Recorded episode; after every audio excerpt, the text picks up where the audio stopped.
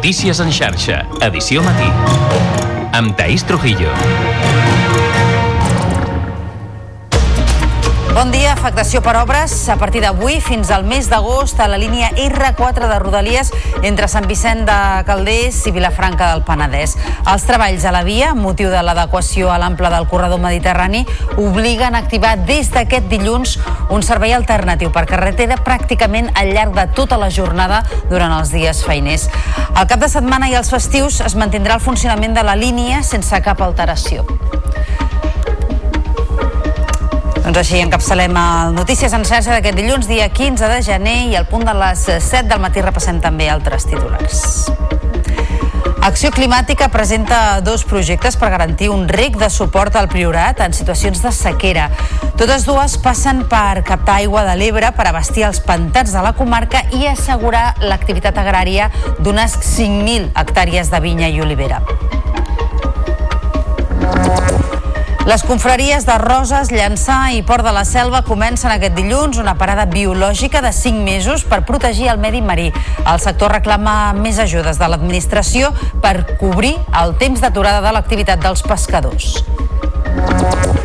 Avui estan citades a declarar dues exresponsables de la residència Fiella de Tremp, on més d'una seixantena d'usuaris van morir el 2020 per un brot de Covid. La causa és per un delicte contra la seguretat dels treballadors i queda pendent la compareixença per delicte d'homicidi imprudent i tracte degradant. I en esports, el Barça va caure golejat per 4 a 1 davant el Real Madrid en la final de la Supercopa. Un hat-trick de Vinicius i un quart gol de Rodrigo van sentenciar els blaugrana que no van tenir cap opció. L'única diana dels de Xavi la va marcar Lewandowski. Araujo va acabar el partit expulsat. I en cultura la Generalitat ret homenatge aquest dilluns a Ventura Pons a la Filmoteca de Catalunya. L'acte serà d'accés lliure fins a esgotar l'aforament i comptarà amb la participació de familiars, amics i col·laboradors del cineasta. S'hi projectarà una de les pel·lícules més estimades de la seva filmografia, Actrius, protagonitzada per Núria Espert, Rosa Maria Sardà i Anna Lizarano.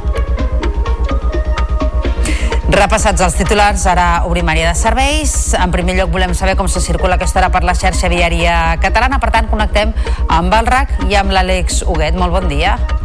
Molt bon dia. A primera hora registrem dues incidències a la xarxa viària. Una avaria a l'AP7 a la Roca del Vallès en sentit sud, on ja hi ha dos quilòmetres de congestió i un carril tallat, i una altra avaria, en aquest cas a la C33 a Montcada i Reixac, en direcció a l'entrada de Barcelona, on de moment no es provoquen retencions. De la resta de la xarxa hi ha punts habituals afectats, com l'AP7 al Papiol, l'A2 a Sant Joan d'Espí o les rondes, com sempre, en sentit Llobregat, on ja registren 3 quilòmetres de cues a la B20 des de Santa Coloma i al Nus de la Trinitat, i a la Litoral són 5 quilòmetres ja des del Fòrum. És tot des del RAC. Bon dia. I ara tanquem portada amb la previsió del temps de cara a aquest dilluns. Eh, Lluís Miquel Pérez, molt bon dia. Bon dia, comença una setmana que ha de portar una altra vegada poca pluja. Avui sí que hi haurà núvols. De fet, aquest matí un cel força tapat, especialment al voltant del migdia, i independentment molta boira en algunes comarques de la Catalunya central i sobretot les de les planes i altiplans de Lleida, amb ambient força fred. El vent de ponent es començarà a reforçar les comarques de Tarragona i, de fet, aquesta tarda, a gran part del sud de Barcelona i Tarragona, aquest vent més insistent i els núvols més gruixuts quedaran arrapats a l'Alt Pirineu i a les comarques de Girona. De fet, al nord de Lleida amb alguna molt feble nevada. La temperatura aquesta tarda puja un palet respecte a ahir, sobretot a les comarques de la costa i les de les Terres de l'Ebre. Us seguirem a la xarxa. Notícies en xarxa, edició matí. Des d'aquest dilluns 15 i fins l'agost, la línia R4 entre Sant Vicenç i Vilafranca es veurà afectada per obres. El tram de Sant Vicent de Sant Vicenç de Calders Vilafranca de l'R4 estarà tallat la major part del dia a partir d'avui i fins al 16 d'agost per obres del corredor mediterrani. Ens ho expliquen des de Penedès TV. La nova fase de l'actuació d'implantació del tercer carril entre Sant Vicenç i Vilafranca permetrà dotar les vies d'ample estàndard actuant sobre el trajecte i les estacions del Vendrell, l'Arbós i els Monjos. Renfe estableix en aquest període un pla alternatiu de transport per carretera entre Sant Vicenç i Vilafranca per garantir la mobilitat dels usuaris de la línia R4 de Rodalies.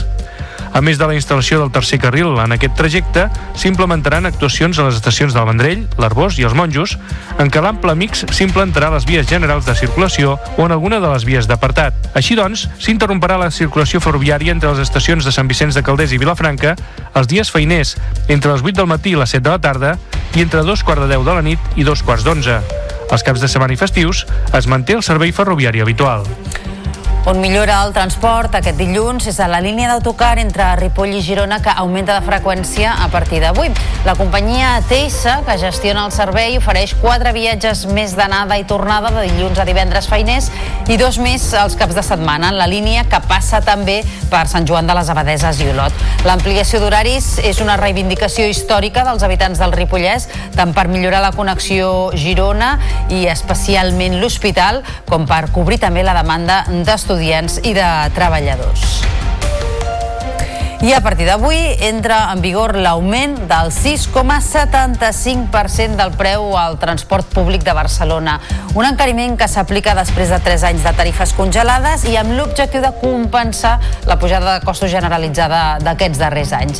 D'aquesta manera, el bitllet senzill i la T casual, que no tenen descomptes, passaran a costar 2,56 euros en el cas del bitllet senzill i 12,12 euros la targeta unipersonal de 10 viatges viatges. Els descomptes als abonaments com la T usual i la T jove es mantindran amb un 50% de rebaixa. L'Estat va confirmar també a finals d'any que mantenia la seva aportació d'un 30% d'aquests descomptes. Els bitllets comprats abans del 14 de gener es podran fer servir fins al 30 d'abril.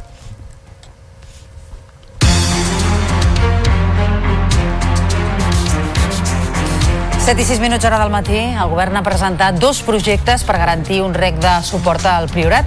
Les dues propostes independents captaran aigua del riu Ebre per abastir els pantans de la comarca i assegurar l'activitat agrària d'unes 5.000 hectàrees de vinya i d'olivera. És una crònica de Canal Reus. D'una banda, proposa connectar la xarxa de regadiu del canal Garriga Sud amb l'embassament de la Palma d'Ebre per abastir el pantà de Margalef. I de l'altra, portar aigua del riu Ebre des de Garcia fins al pantà de Siurana, una infraestructura més costosa que requereix de la construcció d'una canonada de 30 quilòmetres. Són dos projectes, un d'ells és relativament senzill, estem en disposició aquest any de licitar la redacció del projecte executiu i per tant a final d'any el tindrem fet i l'any que ve ja licitarem les obres i l'altre, que és una mica més eh, costós, una mica més complicat eh, i que també depèn de que entri en la propera planificació de la amb la qual ja hem parlat i, i sembla que ho veuen amb bons ulls eh, de manera que en els dos casos segurament en el primer a partir del 26 i en el segon a partir del 27 podríem estar ja regant amb aquest rec de suport totes aquestes hectàrees de, de vinya i d'olivera.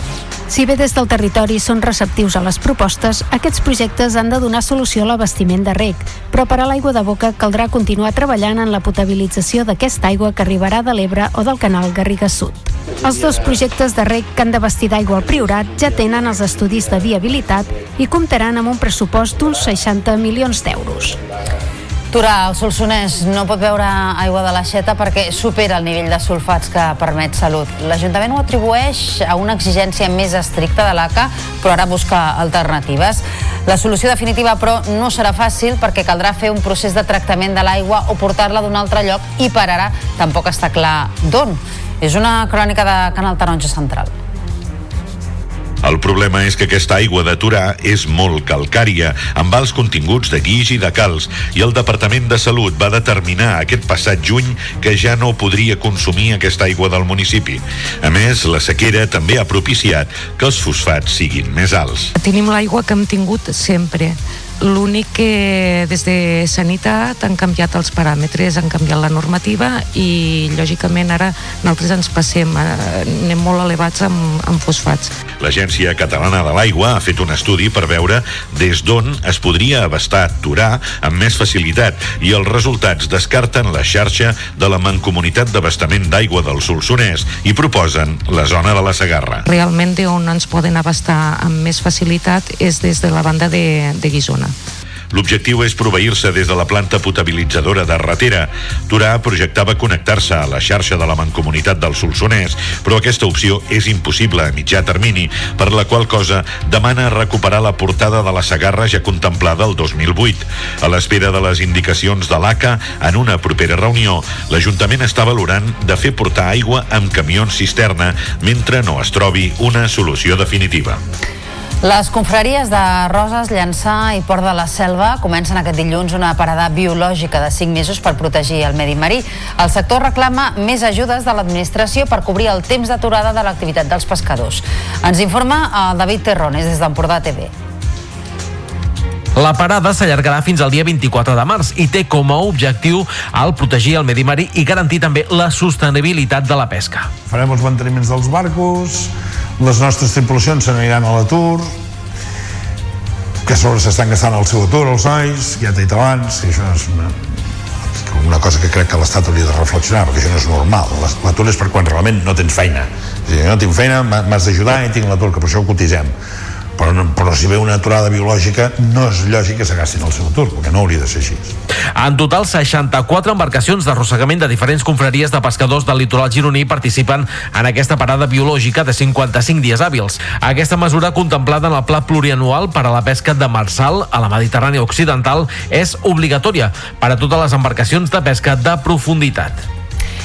I en clau internacional, el volcà de la península de Reykjanes, a Islàndia, que va tornar a entrar en erupció ahir, ja ha arribat fins al port de Grindavik, on s'han incendiat diverses cases a causa del foc. La població, això sí, ja havia estat evacuada. De moment no hi ha afectació al trànsit aeri, malgrat que la capital islandesa, Reykjavik, és només a una quarantena de quilòmetres.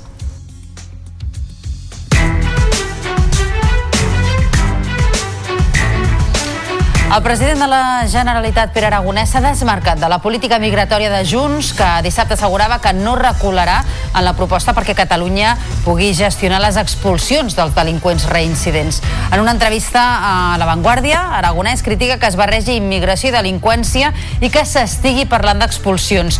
I en una altra entrevista, aquesta al diari El País, el president del govern espanyol, Pedro Sánchez, recorda que l'expulsió de migrants és competència exclusiva de l'Estat. Soc independentista i, per tant, vull totes les competències, en immigració i en tots els àmbits. I les vull perquè aquest país, que és un país d'acollida, pugui ser un país d'oportunitats. A nosaltres no ens trobaran amb els discursos eh, populistes eh, que utilitzin la immigració per fins electorals. No ho farem i aquells que ho facin trobaran el nostre rebuig frontal. Les matèries vinculades eh, con la expulsión Eh, de, los, de los migrantes están residenciadas en la Administración General del Estado. Si es que tenemos un pacto de migración y asilo eh, firmado con Europa, donde a lo que vamos precisamente no es una centrifugación, sino una eh, mayor coordinación de las políticas de migración.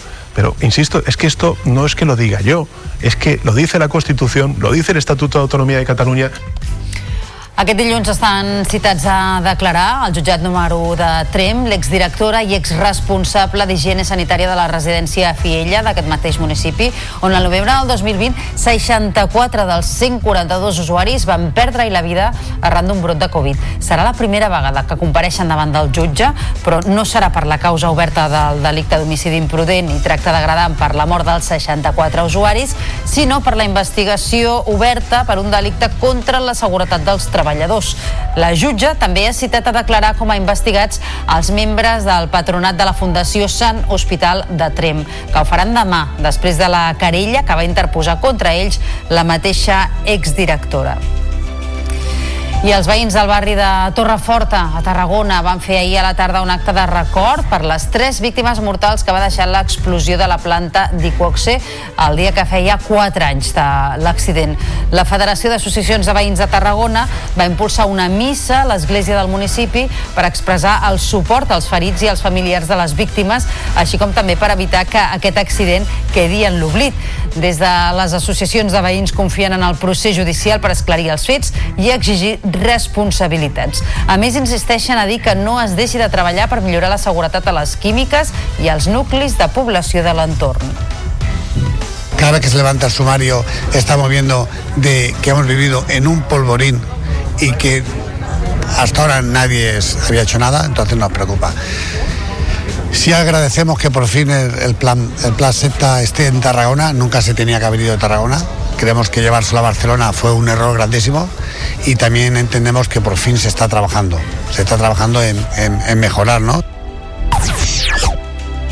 14 de gener de 2020 explota el reactor de l'empresa Iquoxe, causant la mort de dos treballadors i un veí de Torreforta que va rebre l'impacte d'una enorme planxa de ferro que va sortir disparada dos quilòmetres i mig i va xocar contra casa seva. La pandèmia i el confinament eren a punt d'arribar i Tarragona patia l'accident químic més important de la seva història. Quatre anys després, el procés judicial està obert, però és lent i no hi ha data per a determinar els culpables.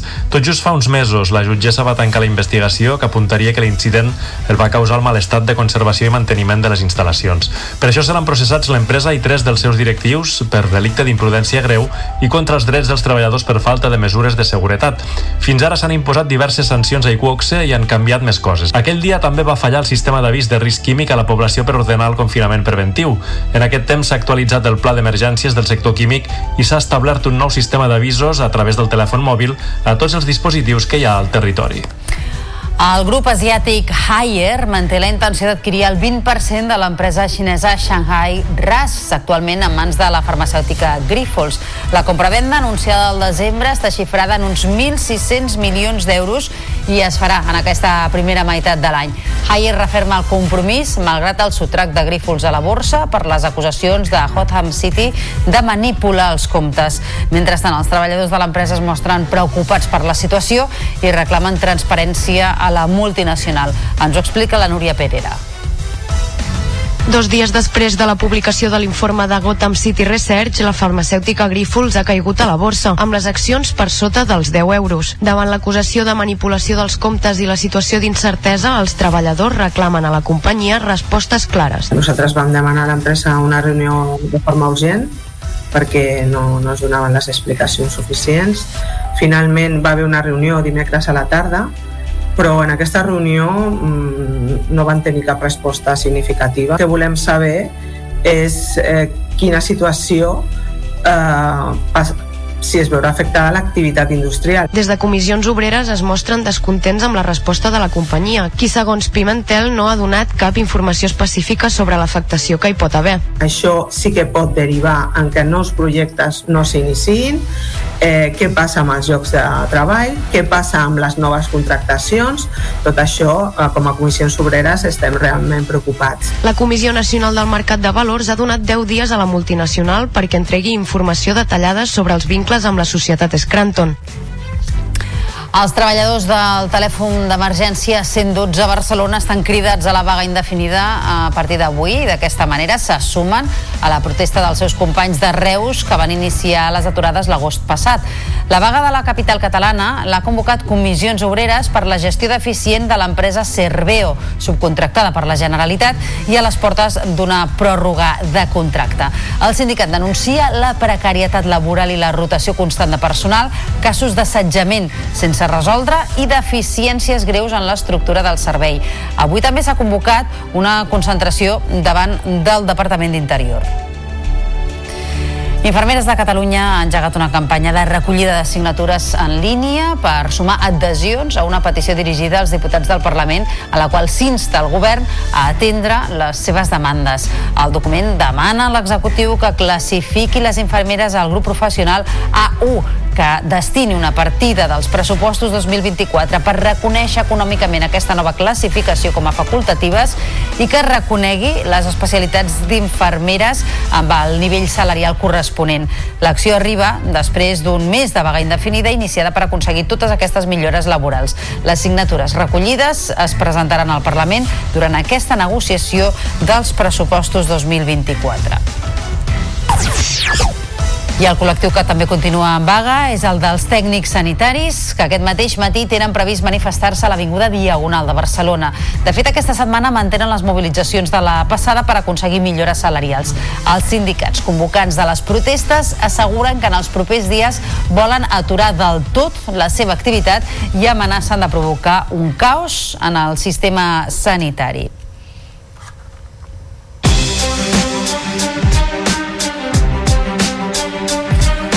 Avui, 15 de febrer de gener, volem dir, és el tercer dilluns de l'any, dia que es coneix com a Blue Monday, el dia més trist de l'any. És un concepte que va sorgir fa dues dècades i que respon a factors com ara el clima, els ànims després de les festes de Nadal i les despeses que s'han fet o la motivació respecte dels propòsits que es fan amb el nou any. La Teresa Gómez, de Canal T, ha sortit al carrer a copsar els ànims de la gent. El tercer dilluns de l'any, el 15 de gener, des de fa més de 19 anys, és considerat el dia més trist de l'any, per a molts conegut com el Blue Monday. Una data que aglutina diversos factors que donen peu a un sentiment de tristor i pena, com són el clima i la distància de les festes nadalenques. És una miqueta que venim de Nadals, no?, i tothom està... Tenim les, les pulsacions molt amunt i de cop baixen, és la cuesta d'enero, no?, abans set dia. Per mi l'hivern ja és trist de per si, m'agrada més l'estiu, però bueno, sí, me costa aixecar-me, estic baixa d'ànim. Fer exercici, mimar-te o inclús llegir i escriure frases inspiradores són alguns dels trucs que els experts recomanen per omplir-te d'energia i motivació en aquest dia tan trist. Estamariu, a l'Alt Urgell, és un petit poble de poc més d'un centenar d'habitants que va 25 anys, fa 25 anys que no hi tenia cap comerç. Ara i gràcies a la iniciativa d'una família de Terrassa tornen a tenir botiga, que en aquest cas és un forn de pa. Es diu Cala Xata i l'ha visitat la Judit Pujol de Pirineus TV. Una botiga dins l'hotel d'Estamariu que va tancar fa 25 anys va ser l'últim comerç del poble fins fa unes setmanes, quan una família ha obert la fleca Cala Xata. Originaris de Terrassa s'han traslladat al Pirineu impulsats per uns amics i després d'unes obres llargues sota la seva vivenda ofereixen pa i brioixeria. I sóc la quarta generació de flequers, la meva dona la vaig enganyar i també és flequera, i és la nostra feina, i al final pujar aquí era un, una il·lusió, un, moltes ganes de fer-ho, i obrir un forn aquí també. A banda de vendre el producte a la fleca d'Estamariu, a partir del 15 de gener de dimarts a dijous es desplaçaran a una vintena de pobles com Alàs, Encerall, Civís, Sant Joan Fumat, Aristot, Pont de Bar o Arsèguel, entre altres. L'objectiu del comerç és posar en valor el producte artesanal. La fleca Calachata recupera el nom amb què era coneguda a Terrassa l'àvia del Quim Sánchez. El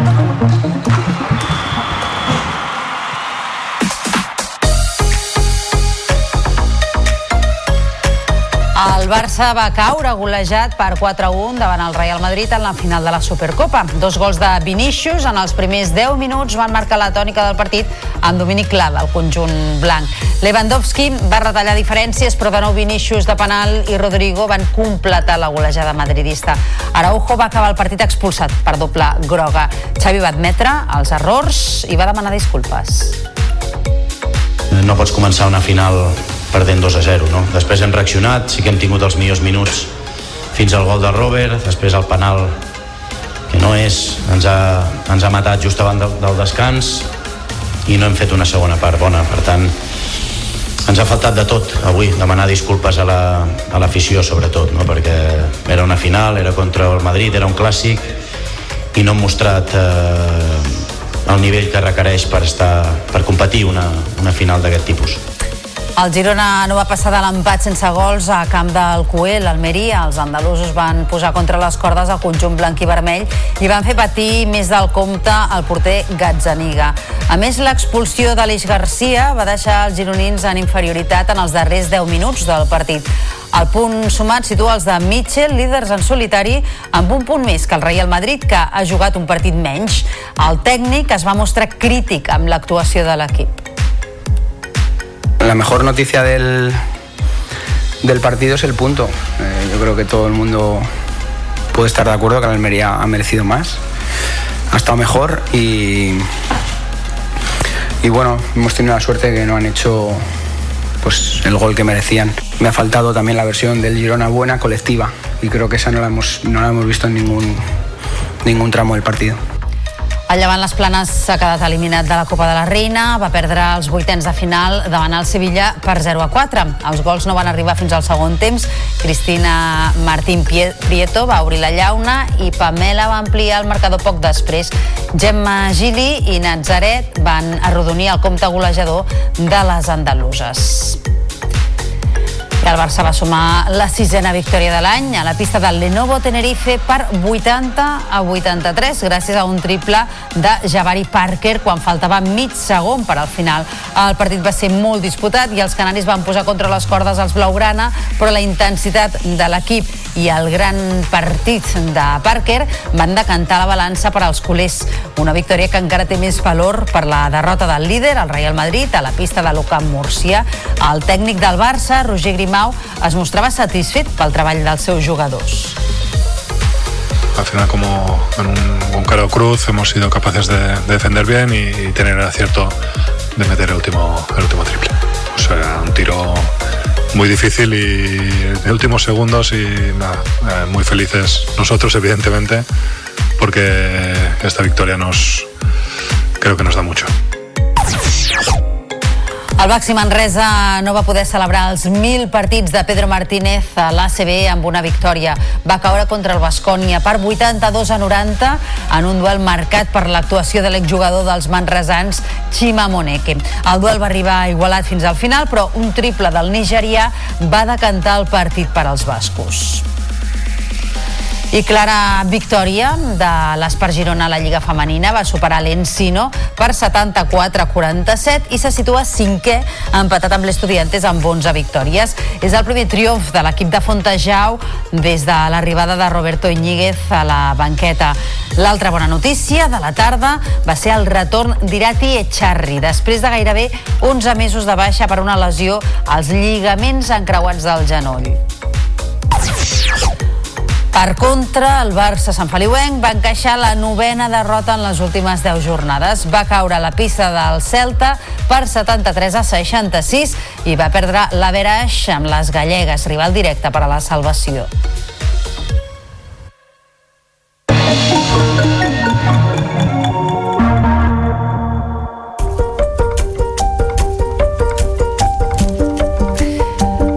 Generalitat ret homenatge a les 7 d'aquest vespre al cineasta Ventura Pons, mort la setmana passada. L'escenari escollit ha estat la Filmoteca de Catalunya i compta amb la col·laboració de la productora de Pons, els films de la Rambla i l'Acadèmia del Cinema Català.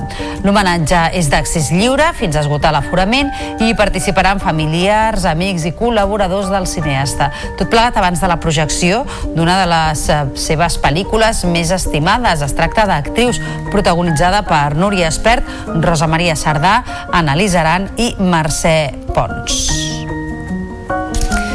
I la tradicional festa de Sant Antoni Abat i els Tres Toms s'ha arrencat aquest cap de setmana amb les poblacions més matineres.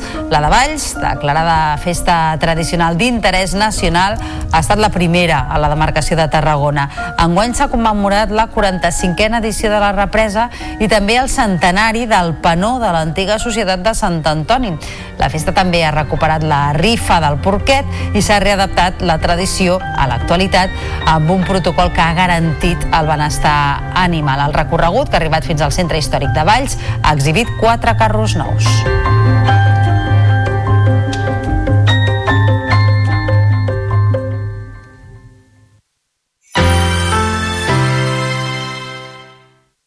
La xarxa de comunicació local. Embaladits, l'espai on la Montse Balada i els seus amics ens enllacen amb la poesia infantil.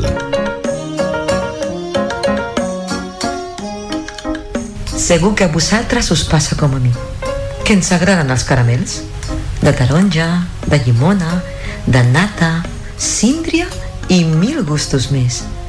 Ara que penso, el poema d'avui va d'això, de dolçor. Benvinguts a l'Embaladits. I plens de dolçor hem arribat a l'escola Maricel de Cubelles a l'estudi de so i ràdio, on ens espera la Irene Poveda. Hola, Irene. Hola, Per què has escollit un poema tan dolç? perquè m'ha agradat molt. I també t'agrada llegir poesia? Sí, I ens podries dir com es titula aquest poema? El Carmel, I ens podries dir qui l'escrit? la Montse Guinesta. Doncs què et sembla si comencem? Sí. I avui, la Irene Poveda ens porta un d'aquells poemes que quan l'has acabat en voldries un altre, i un altre, i un altre, i un altre. Caramel, de la poetessa Montse Ginesta. Tinc un carmell de nata i maduixa. Quin bon gust que té. Amb quatre llengots me l'acabaré.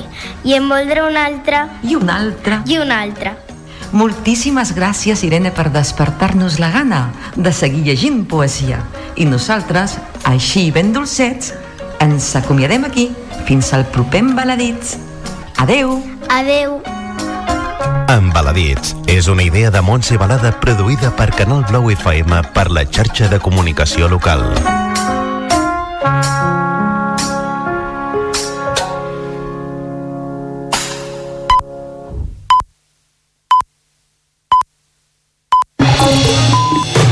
Notícies en xarxa, edició matí. Amb Taís Trujillo. Bon dia, són dos quarts de vuit del matí i avui encapçalem el Notícies en xarxa amb les afectacions per obres a la línia R4 de Rodalies entre Sant Vicenç de Calders i Vilafranca del Penedès. Els treballs a la via, motiu de l'adequació a l'ample del corredor mediterrani, obliguen a activar des d'aquest dilluns un servei alternatiu per carretera pràcticament al llarg de tota la jornada durant els dies eh, feiners. Al cap de setmana i els festius es mantindrà el funcionament de la línia sense cap alteració. Aquesta afectació s'allargarà fins al mes d'agost. De seguida us ho ampliem, abans però repassem altres titulars d'aquest dilluns 15 de gener. Acció Climàtica presenta dos projectes per garantir un rec de suport al Priorat en situacions de sequera. Totes dues passen per captar aigua de l'Ebre per abastir els pantans de la comarca i assegurar l'activitat agrària d'unes 5.000 hectàrees de vinya i olivera. Avui estan citades a declarar dues exresponsables de la residència Fiella de Tremp, on més d'una seixantena d'usuaris van morir el 2020 per un brot de Covid. La causa és per un delicte contra la seguretat dels treballadors i queda pendent la compareixença per delicte d'homicidi imprudent i tracte degradant. Aquest dimecres començarà la taula de negociació entre els sindicats i la direcció de Danone. Tot plegat després que divendres passat la companyia anunciés als treballadors la seva intenció de tancar la planta de la multinacional a Parets del Vallès. D'aquí a uns minuts parlarem amb David Caurín, que és el secretari general de Comissions Obreres d'Indústria del Vallès Oriental, el Maresme i Osona. I en esports, el Barça va caure golejat per 4-1 davant el Real Madrid en la final de la Supercopa. Un hat-trick de Vinícius i un quart gol de Rodrigo van sentenciar els Blaugrana que no van tenir cap opció. L'única diana dels de Xavi la va marcar Lewandowski. Araujo va acabar el partit expulsat. I en Cultura us expliquem que la Generalitat ret homenatge aquest dilluns al desaparegut Ventura Pons a la Filmoteca de Catalunya. L'acte serà d'accés lliure fins a esgotar l'aforament i comptarà amb la participació de familiars, amics i col·laboradors del cineasta. S'hi projectarà una de les pel·lícules més estimades de la seva filmografia, Actrius, protagonitzada per Núria Espert, Rosa Maria Sardà i Anna Lizaran. I ara repassats els titulars, obrim plana de serveis amb el trànsit. Segons el RAC ja s'ha apartat el vehicle que hi havia variat a l'AP7 a la Roca del Vallès en sentit sud i en aquell punt hi ha més de dos quilòmetres de congestió. També es manté el carril tallat a la C33 a Montcada i Reixac cap a Barcelona per una altra avaria. I més enllà d'això, tenim les retencions en punts habituals com la B23 des de Molins de Rei en sentit Barcelona amb més de 3 quilòmetres, 5 quilòmetres més a Sant Vicenç dels Horts i Pallejà, a la 2 en sentit est o a la C58 en sentit nord al tram de Ripollet. I pel que fa al temps, el cel estarà nuvolat sobretot durant la primera meitat del dia i per l'oest, tot i que no es preveuen pluges significatives. Les clarianes començaran a aparèixer a partir de mitja tarda i el dia acabarà amb pocs núvols, amb l'excepció del Pirineu. Notícies en xarxa, edició matí. Des d'aquest dilluns 15 i fins a l'agost, la línia R4 entre Sant Vicenç de Vilafranc i Vilafranca es veurà afectada per obres. El tram de Sant Vicenç de Calders Vilafranca de l'R4 estarà tallat la major part del dia a partir d'avui i fins al 16 d'agost per obres del corredor mediterrani. Ens ho expliquen des de Penedès TV. La nova fase de l'actuació d'implantació del tercer carril entre Sant Vicenç i Vilafranca permetrà dotar les vies d'ample estàndard actuant sobre el trajecte i les estacions del Vendrell, l'Arbós i els Monjos. Renfe estableix en aquest període un pla alternatiu de transport per carretera entre Sant Vicenç i Vilafranca per garantir la mobilitat dels usuaris de la línia R4 de Rodalies.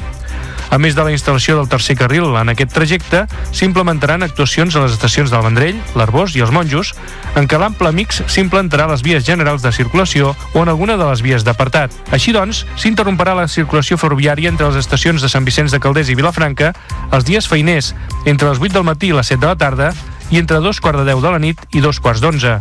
Els caps de setmana i festius es manté el servei ferroviari habitual. On millora el transport aquest dilluns és a la línia d'autocar entre Ripoll i Girona que augmenta de freqüència a partir d'avui. La companyia TS, que gestiona el servei, ofereix quatre viatges més d'anada i tornada de dilluns a divendres feiners i dos més als caps de setmana en la línia que passa també per Sant Joan de les Abadeses i Olot.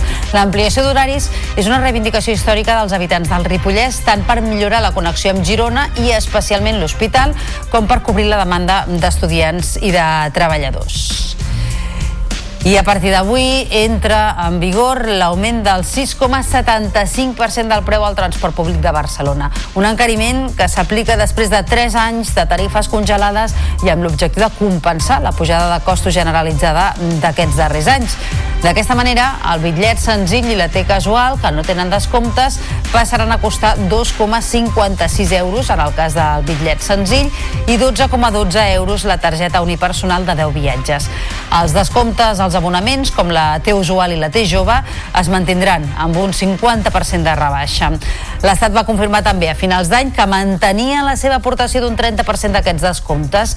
Els bitllets comprats abans del 14 de gener es podran fer servir fins al proper dia 30 d'abril.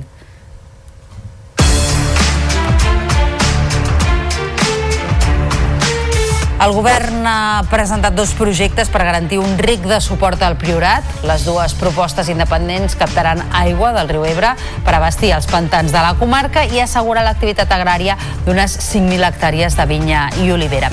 És una crònica de Canal Reus. D'una banda, proposa connectar la xarxa de regadiu del canal Garriga Sud amb l'embassament de la Palma d'Ebre per abastir el pantà de Margalef. I de l'altra, portar aigua del riu Ebre des de Garcia fins al pantà de Siurana, una infraestructura més costosa que requereix de la construcció d'una canonada de 30 quilòmetres. Són dos projectes, un d'ells és relativament senzill, estem en disposició aquest any de licitar la redacció del projecte executiu i per tant a final d'any el tindrem fet i l'any que ve ja licitarem les obres i l'altre, que és una mica més eh, costós, una mica més complicat eh, i que també depèn de que entri en la propera planificació de la amb la qual ja hem parlat i, i sembla que ho veuen amb bons ulls eh, de manera que en els dos casos segurament en el primer a partir del 26 i en el segon a partir del 27 podríem estar ja regant amb aquest rec de suport totes aquestes hectàrees de, de vinya i d'olivera. Si bé des del territori són receptius a les propostes, aquests projectes han de donar solució a l'abastiment de rec, però per a l'aigua de boca caldrà continuar treballant en la potabilització d'aquesta aigua que arribarà de l'Ebre o del canal Garriga Sud. Els dos projectes de rec que han d'abastir d'aigua al Priorat ja tenen els estudis de viabilitat i comptaran amb un pressupost d'uns 60 milions d'euros. Torà, el Solsonès no pot beure aigua de l'aixeta perquè supera el nivell de sulfats que permet salut. L'Ajuntament ho atribueix a una exigència més estricta de l'ACA, però ara busca alternatives. La solució definitiva, però, no serà fàcil perquè caldrà fer un procés de tractament de l'aigua o portar-la d'un altre lloc i per ara tampoc està clar d'on. És una crònica de Canal Taronja Central. El problema és que aquesta aigua de Torà és molt calcària, amb alts continguts de guix i de calç, i el Departament de Salut va determinar aquest passat juny que ja no podria consumir aquesta aigua del municipi. A més, la sequera també ha propiciat que els fosfats siguin més alts. Tenim l'aigua que hem tingut sempre. L'únic que des de Sanitat han canviat els paràmetres, han canviat la normativa i lògicament ara nosaltres ens passem, eh, anem molt elevats amb, amb fosfats. L'Agència Catalana de l'Aigua ha fet un estudi per veure des d'on es podria abastar Torà amb més facilitat i els resultats descarten la xarxa de la Mancomunitat d'Abastament d'Aigua del Solsonès i proposen la zona de la Segarra. Realment d'on ens poden abastar amb més facilitat és des de la banda de, de Guisona. L'objectiu és proveir-se des de la planta potabilitzadora de Ratera. Torà projectava connectar-se a la xarxa de la Mancomunitat del Solsonès, però aquesta opció és impossible a mitjà termini, per la qual cosa demana recuperar la portada de la Sagarra ja contemplada el 2008. A l'espera de les indicacions de l'ACA, en una propera reunió, l'Ajuntament està valorant de fer portar aigua amb camions cisterna mentre no es trobi una solució definitiva. I en clau internacional, el volcà de la península de Reykjans, a Islàndia, que va tornar a entrar en erupció ahir, ja ha arribat fins al port de Grindavik, on s'han incendiat diverses cases a causa del foc. La població, això sí, ja havia estat evacuada. De moment no hi ha afectació al trànsit aeri, malgrat que la capital islandesa, Reykjavik, és només a una quarantena de quilòmetres.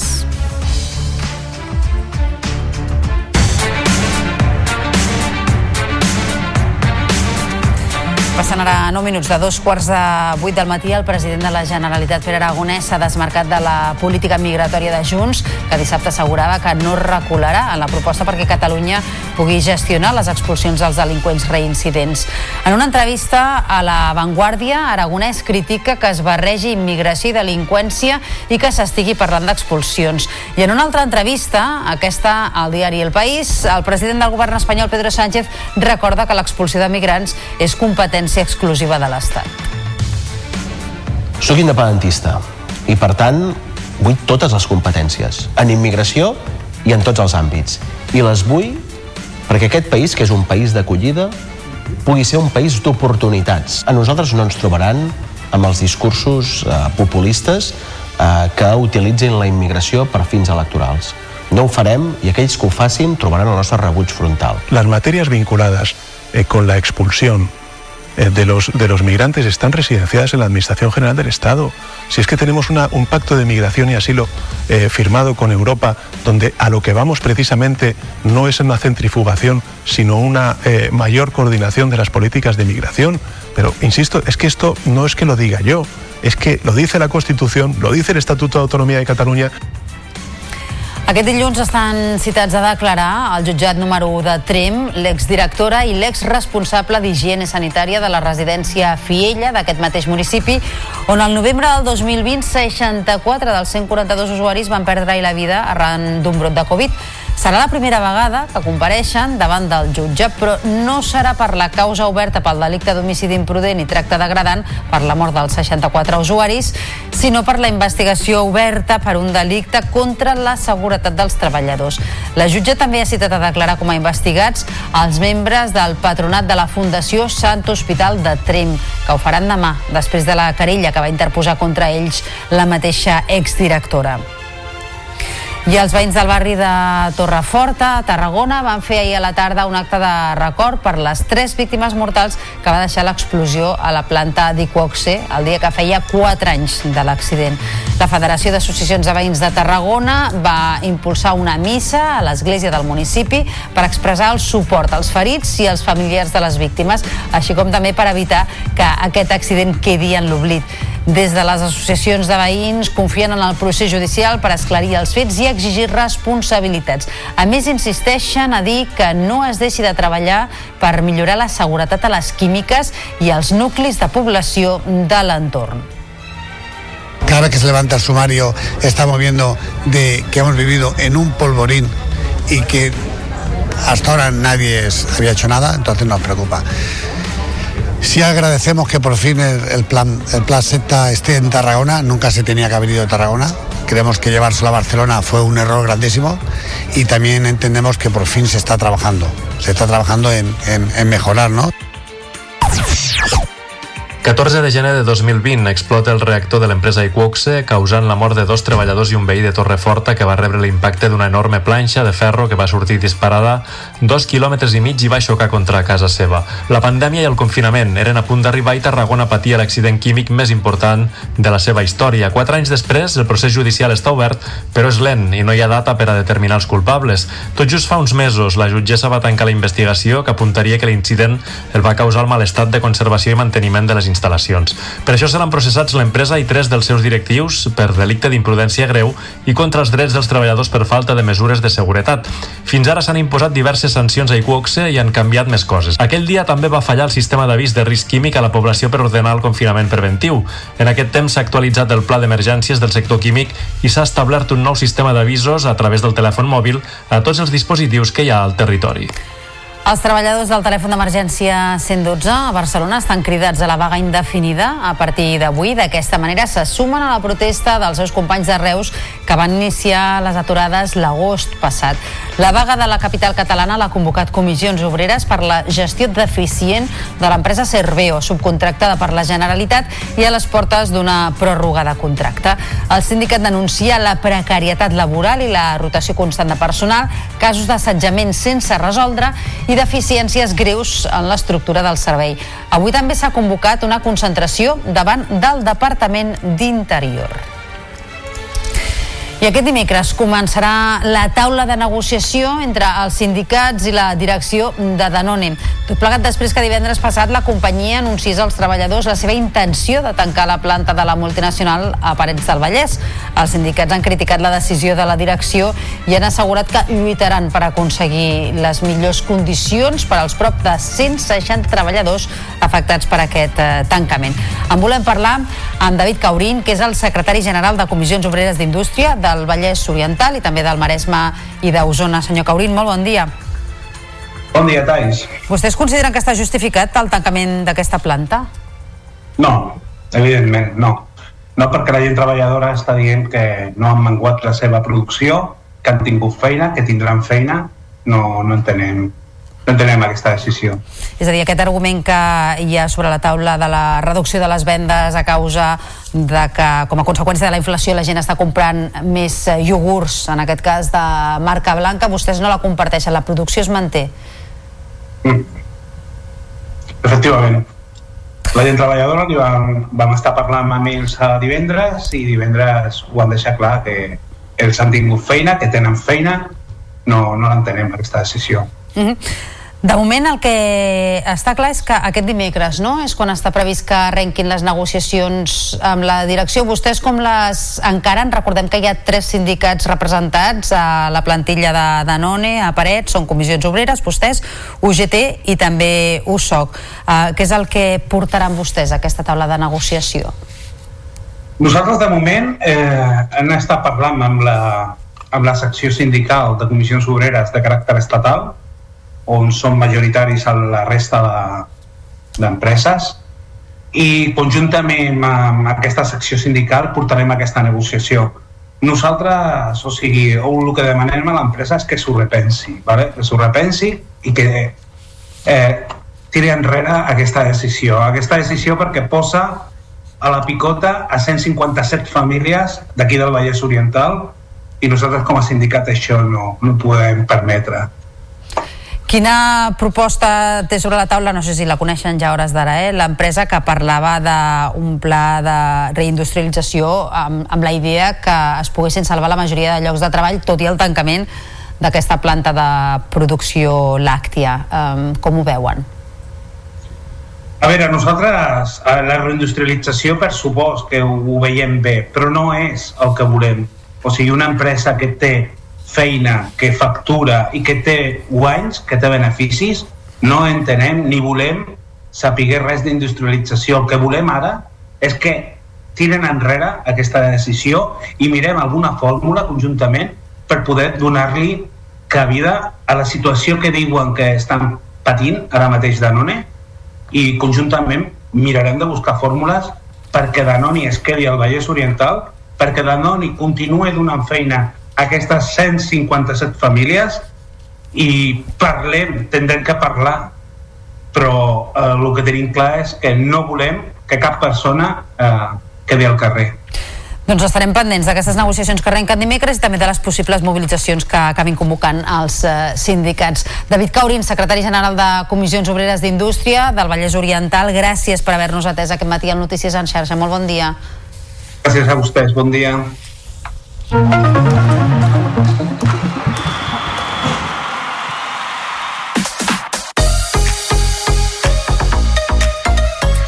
El Barça va caure golejat per 4-1 davant el Real Madrid en la final de la Supercopa. Dos gols de Vinícius en els primers 10 minuts van marcar la tònica del partit amb domini clar del conjunt blanc. Lewandowski va retallar diferències, però de nou Vinícius de penal i Rodrigo van completar la golejada madridista. Araujo va acabar el partit expulsat per doble groga. Xavi va admetre els errors i va demanar disculpes. No pots començar una final perdent 2 a 0, no? Després hem reaccionat, sí que hem tingut els millors minuts fins al gol de Robert, després el penal que no és, ens ha, ens ha matat just abans del, del descans i no hem fet una segona part bona, per tant ens ha faltat de tot avui, demanar disculpes a l'afició la, sobretot, no? perquè era una final, era contra el Madrid, era un clàssic i no hem mostrat eh, el nivell que requereix per, estar, per competir una, una final d'aquest tipus. El Girona no va passar de l'empat sense gols a camp del Coel, Almeria. Els andalusos van posar contra les cordes al conjunt blanc i vermell i van fer patir més del compte el porter Gazzaniga. El punt sumat situa els de Mitchell líders en solitari amb un punt més que el Real Madrid que ha jugat un partit menys. El tècnic es va mostrar crític amb l'actuació de l'equip. La mejor noticia del, del partido es el punto. Eh, yo creo que todo el mundo puede estar de acuerdo que la Almería ha merecido más. Ha estado mejor y, y bueno, hemos tenido la suerte que no han hecho pues el gol que merecían. Me ha faltado también la versión del Girona buena colectiva y creo que esa no la hemos, no la hemos visto en ningún, ningún tramo del partido. A llevant les planes s'ha quedat eliminat de la Copa de la Reina, va perdre els vuitens de final davant el Sevilla per 0 a 4.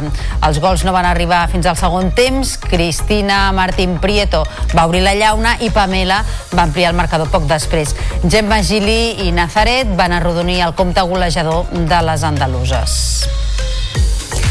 I Aitana Bonmatí és la favorita per endur-se aquest vespre el Premi de Best com a millor jugadora de l'any 2023.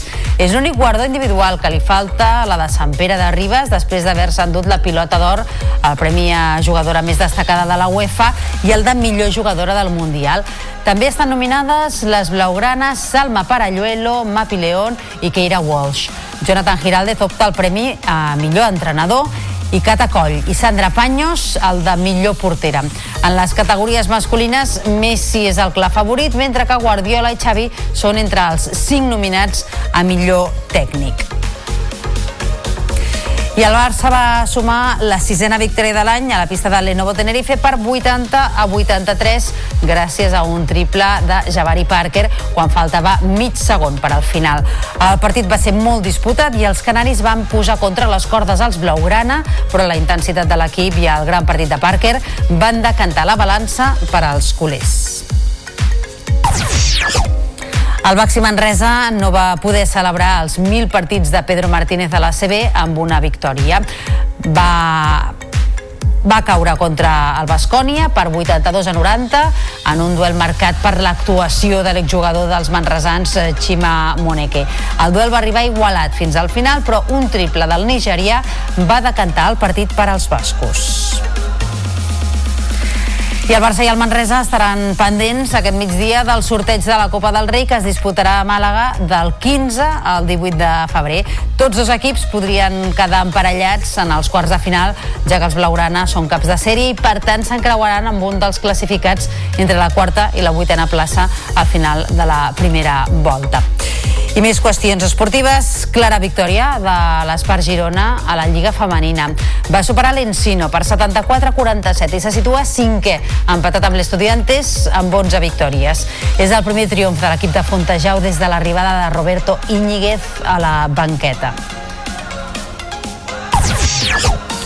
Per contra, el Barça Sant Feliuenc va encaixar la novena derrota en les últimes 10 jornades. Va caure a la pista del Celta per 73 a 66 i va perdre l'Averaix amb les gallegues, rival directe per a la salvació.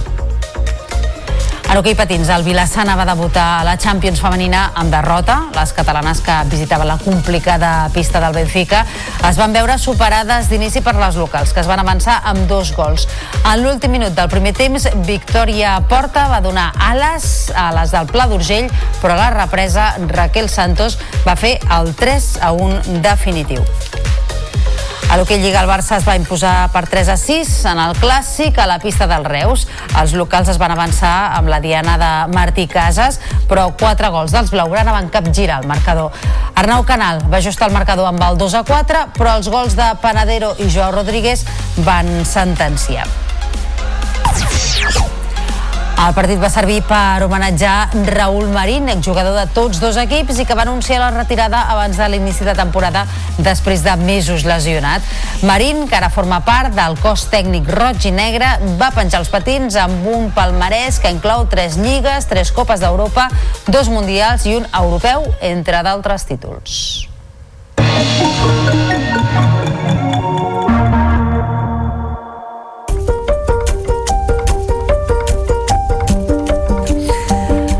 La Generalitat ret homenatge a les 7 d'aquest vespre al cineasta Ventura Pons, mort la setmana passada. L'escenari escollit ha estat la Filmoteca de Catalunya i compta amb la col·laboració de la productora de Pons, els films de la Rambla i l'Acadèmia del Cinema Català. L'homenatge és d'accés lliure fins a esgotar l'aforament i participaran familiars, amics i col·laboradors del cineasta. Tot plegat abans de la projecció d'una de les pel·lícules més estimades de la seva filmografia, Actrius, adaptació de l'obra teatral de Josep Maria Benet i Jornet i protagonitzada per Núria Espert, Rosa Maria Sardà, Annalisa Aran i Mercè Pons. I l'històric cinema comèdia de Barcelona, situat al vell mig del Passeig de Gràcia, ha tancat portes definitivament aquest diumenge, després de més de 60 anys. De moment es desconeix en quines mans acabarà el cinema, tot i que el govern municipal i la consellera de Cultura han assegurat que ja hi ha ofertes en l'àmbit cultural per tal d'adquirir-lo. És per això que desenes de persones, la majoria amb esperit nostàlgic, s'hi han apropat durant el cap de setmana per tal d'acomiadar-se. Hi ha molta, molta, moltes històries, hi ha molt, molts records, molt, moltes anècdotes amb els companys també i bueno, he vingut a acomiadar-me acomiadar-me una mica de, d'un tros de la meva vida. Havíem d'anar venir a Barcelona, llavors bueno, venim moltes vegades al cinema i ja que avui és l'últim dia eh, volíem veure la pel·lícula que hem vingut a veure, que és la de Bonca, i hem decidit venir aquí perquè és l'últim dia, si no potser haguéssim anat a un altre cinema. Yo llevo viniendo un par de años aquí al cine, es uno de los que más me gusta de Barcelona, pues está muy bien situado. Y bueno, me acabo de enterar que cierra, que no tenía ni idea. És una llàstima. Vas veient com els cines van tancant i eh, et dona la impressió de que pues, eh, és trist veure que les coses no resisteixen al temps. El tancament del comèdia se suma a la llista de cinemes i teatres que han hagut de baixar la persiana els últims mesos. Tant és així que molts altres s'han reinventat per trobar la clau de l'èxit i poder subsistir en un moment difícil per al sector. És una crònica de la Gisela Jimeno.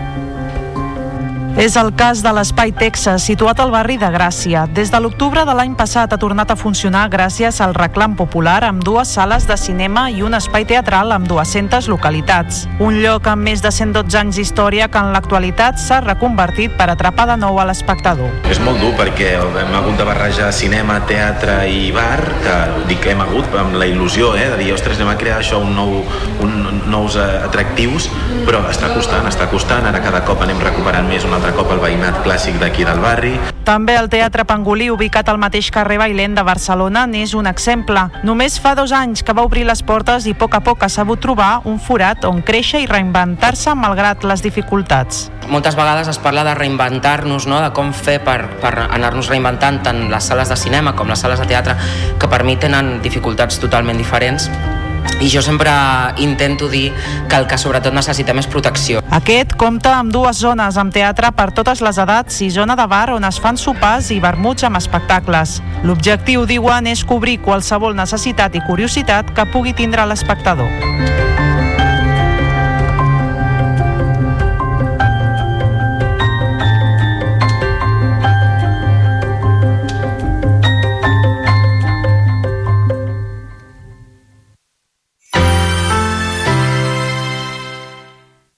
La xarxa de comunicació local.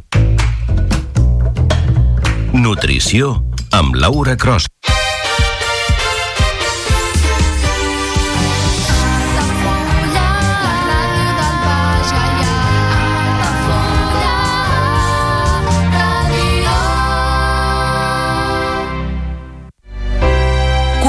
Comunions 2024. Dates ja disponibles amb sales privades, jardí, pàrquing privat i la millor gastronomia. Més informació i reserves al 977 65 11 55 i a comercial arroba altafullamarotel.com o al web altafullamarotel.com. Les teves celebracions familiars a l'Altafulla Mar Hotel. Carrer Major, el programa de les emissores del Camp de Tarragona. Cada dia de 4 a 6 de la tarda, el que passa al Camp de Tarragona t'ho expliquem amb la major redacció d'un programa de territori quilòmetre zero. Periodisme de proximitat, continguts de qualitat, amb Anna Plaza i Toni Mateos. Carrer Major.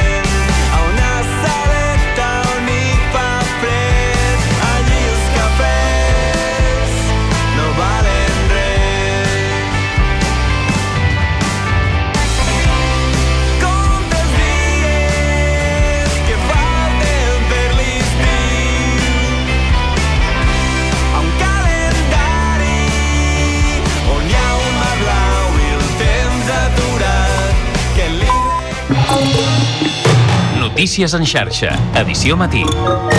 Amb Taís Trujillo.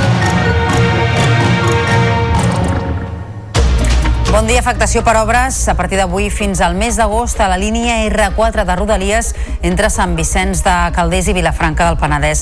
Els treballs a la via, amb motiu de l'adequació a l'ample del corredor mediterrani, obliguen a activar des d'aquest dilluns un servei alternatiu per carretera pràcticament al llarg de tota la jornada durant els dies feiners. Al cap de setmana i els festius es mantindrà el funcionament de la línia sense cap alteració. De seguida connectarem en directe amb Vilafranca per veure com afecta tot plegat en plena hora punta. Abans, i al punt de les 8 del matí, repassem també altres titulars del Notícies en xarxa d'aquest dilluns 15 de gener. Acció Climàtica presenta dos projectes per garantir un rec de suport al Priorat en situacions de sequera. Totes dues passen per captar aigua de l'Ebre per abastir els pantans de la comarca i assegurar l'activitat agrària d'unes 5.000 hectàrees de vinya i olivera. Les confraries de Roses, Llançà i Port de la Selva comencen aquest dilluns una parada biològica de, de, de més de dos mesos per protegir el medi marí. El sector reclama més ajudes de l'administració per cobrir el temps d'aturada de l'activitat dels pescadors. Avui estan citades a declarar dues exresponsables de la residència Fiella de Trem, on més d'una seixantena d'usuaris van morir el 2020 per un brot de Covid. La causa és per un delicte contra la seguretat dels treballadors i queda pendent la compareixença per delicte d'homicidi imprudent i tracte degradant. De seguida us ho ampliarem perquè parlarem amb Xavier Prats, que és advocat especialista en dret penal, que representa a tres famílies d'usuaris que van morir per aquell brot i que també exerceix l'acusació popular en la causa dels eh, treballadors.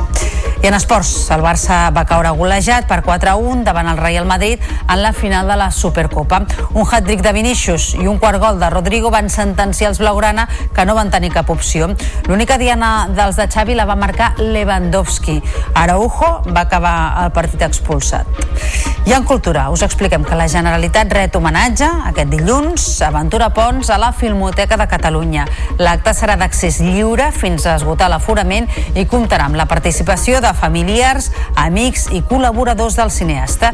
S'hi projectarà una de les pel·lícules més estimades de la seva filmografia, Actrius, protagonitzada per Núria Espert, Rosa Maria Sardà i Anna Lizaran.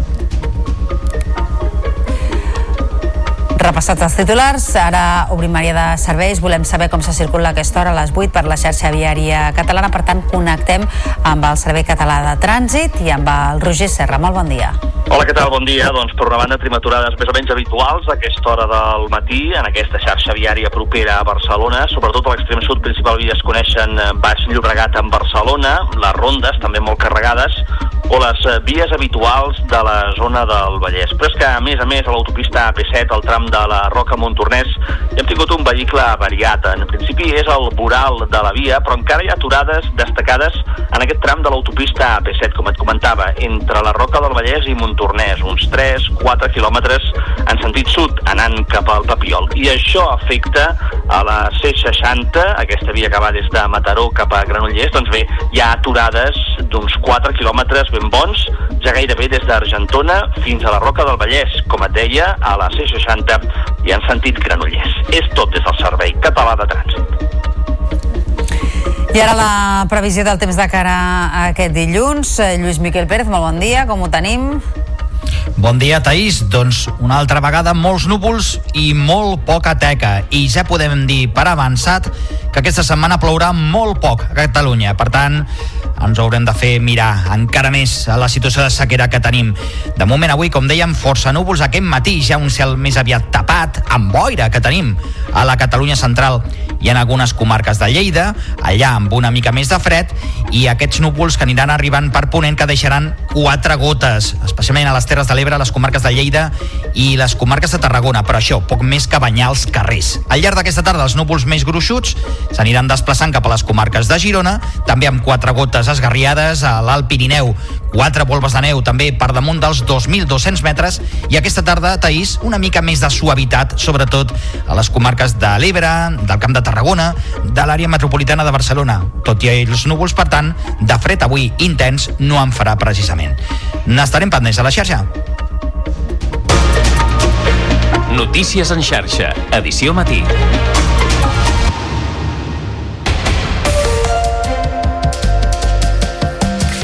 Des d'aquest dilluns i fins l'agost, la línia R4 entre Sant Vicenç i Vilafranca es veurà afectada per obres. El tram Sant Vicenç de Calders-Vilafranca de l'R4 estarà tallat la major part del dia a partir d'avui i fins al 7 d'agost per obres del corredor mediterrani. Connectem en directe amb Vilafranca del Penedès, on hi ha els companys de Penedès Televisió, la Mària Sadurní i el Jordi Ribas, perquè ens expliquin com s'està vivint aquest primer dia de tall. Jordi, molt bon dia.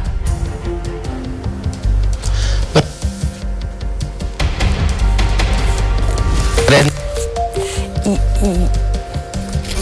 Doncs eh, no és possible ara la connexió amb els companys de Vilafranca Televisió perquè ens expliquin com està afectant aquest tall a la línia R4 per obres, un tall i unes afectacions que han de durar fins al mes d'agost. D'aquí a uns minuts tornarem a intentar establir aquesta connexió perquè ens expliqui com està afectant a la mobilitat de la zona aquestes obres. I on sí que millora el transport aquest dilluns és a la línia d'autocar entre Ripoll i Girona que augmenta de freqüència a partir d'avui mateix. La companyia Teissa, que gestiona el servei, ofereix quatre viatges més d'anada i tornada de dilluns a divendres feiners i dos més els caps de setmana. La línia que passa també per Sant Joan de les Abadeses i Olot. L'ampliació d'horaris és una reivindicació històrica dels habitants del Ripollès, tant per millorar la connexió amb Girona com especialment també per l'hospital i per cobrir la demanda d'estudiants i de treballadors. I a partir d'avui, encara parlant de transport públic, entra en vigor l'augment del 6,75% del preu al transport públic a Barcelona. És un encariment que s'aplica després de 3 anys de tarifes congelades i amb l'objectiu de compensar la pujada de costos generalitzada d'aquests darrers anys. D'aquesta manera, el bitllet eh, senzill i la T casual, que no tenen descomptes, passaran a costar 2,56 euros en el cas del bitllet senzill i 12,12 euros la targeta unipersonal de 10 viatges. Els descomptes, els abonaments, com la T usual i la T jove, es mantindran amb un 50% de rebaixes. L'Estat va confirmar també a finals d'any que mantenia la seva aportació d'un 30% d'aquests descomptes. Els bitllets comprats abans del 14 de gener es podran fer servir fins al 30 d'abril.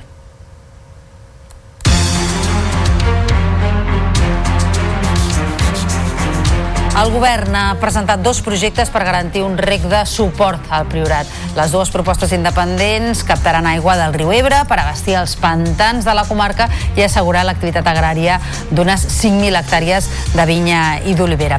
Ens ho expliquen els companys de Canal Reus. D'una banda, proposa connectar la xarxa de regadiu del canal Garriga Sud amb l'embassament de la Palma d'Ebre per abastir el pantà de Margalef.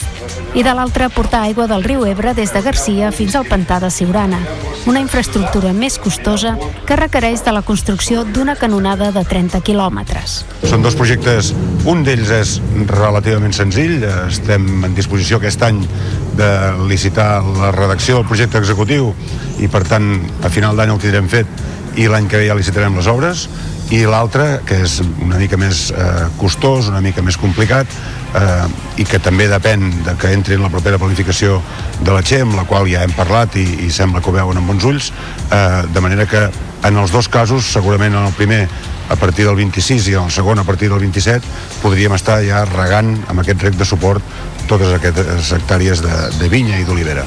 Si bé des del territori són receptius a les propostes, aquests projectes han de donar solució a l'abastiment de rec, però per a l'aigua de boca caldrà continuar treballant en la potabilització d'aquesta aigua que arribarà de l'Ebre o del canal Garriga Sud. Els dos projectes de rec que han d'abastir d'aigua al Priorat ja tenen els estudis de viabilitat i comptaran amb un pressupost d'uns 60 milions d'euros. I encara parlant del sector primari, les confraries de Roses, Llançà i el Port de la Selva comencen aquest dilluns una parada biològica de dos mesos per tal de protegir el medi marí. El sector reclama més ajudes de l'administració per cobrir el temps d'aturada de l'activitat dels pescadors. Ens informa el David Terrones des d'Empordà TV.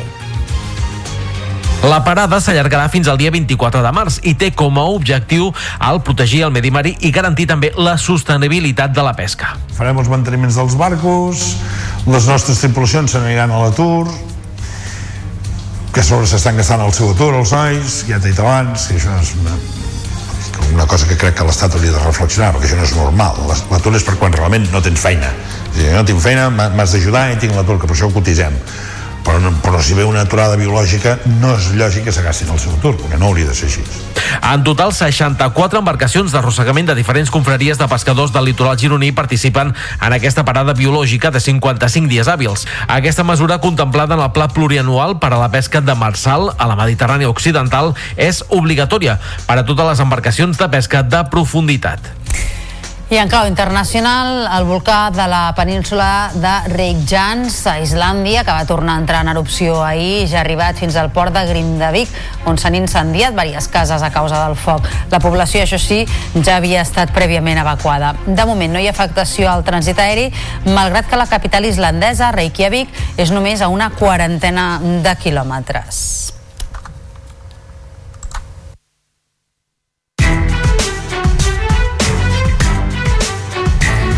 Avui torna a la primera plana de l'actualitat el cas de la Fundació Fiella de Trem al Pallars Jussà. En aquest geriàtric, al novembre del 2020, 64 residents, gairebé la meitat dels usuaris, morien per un brot de Covid-19.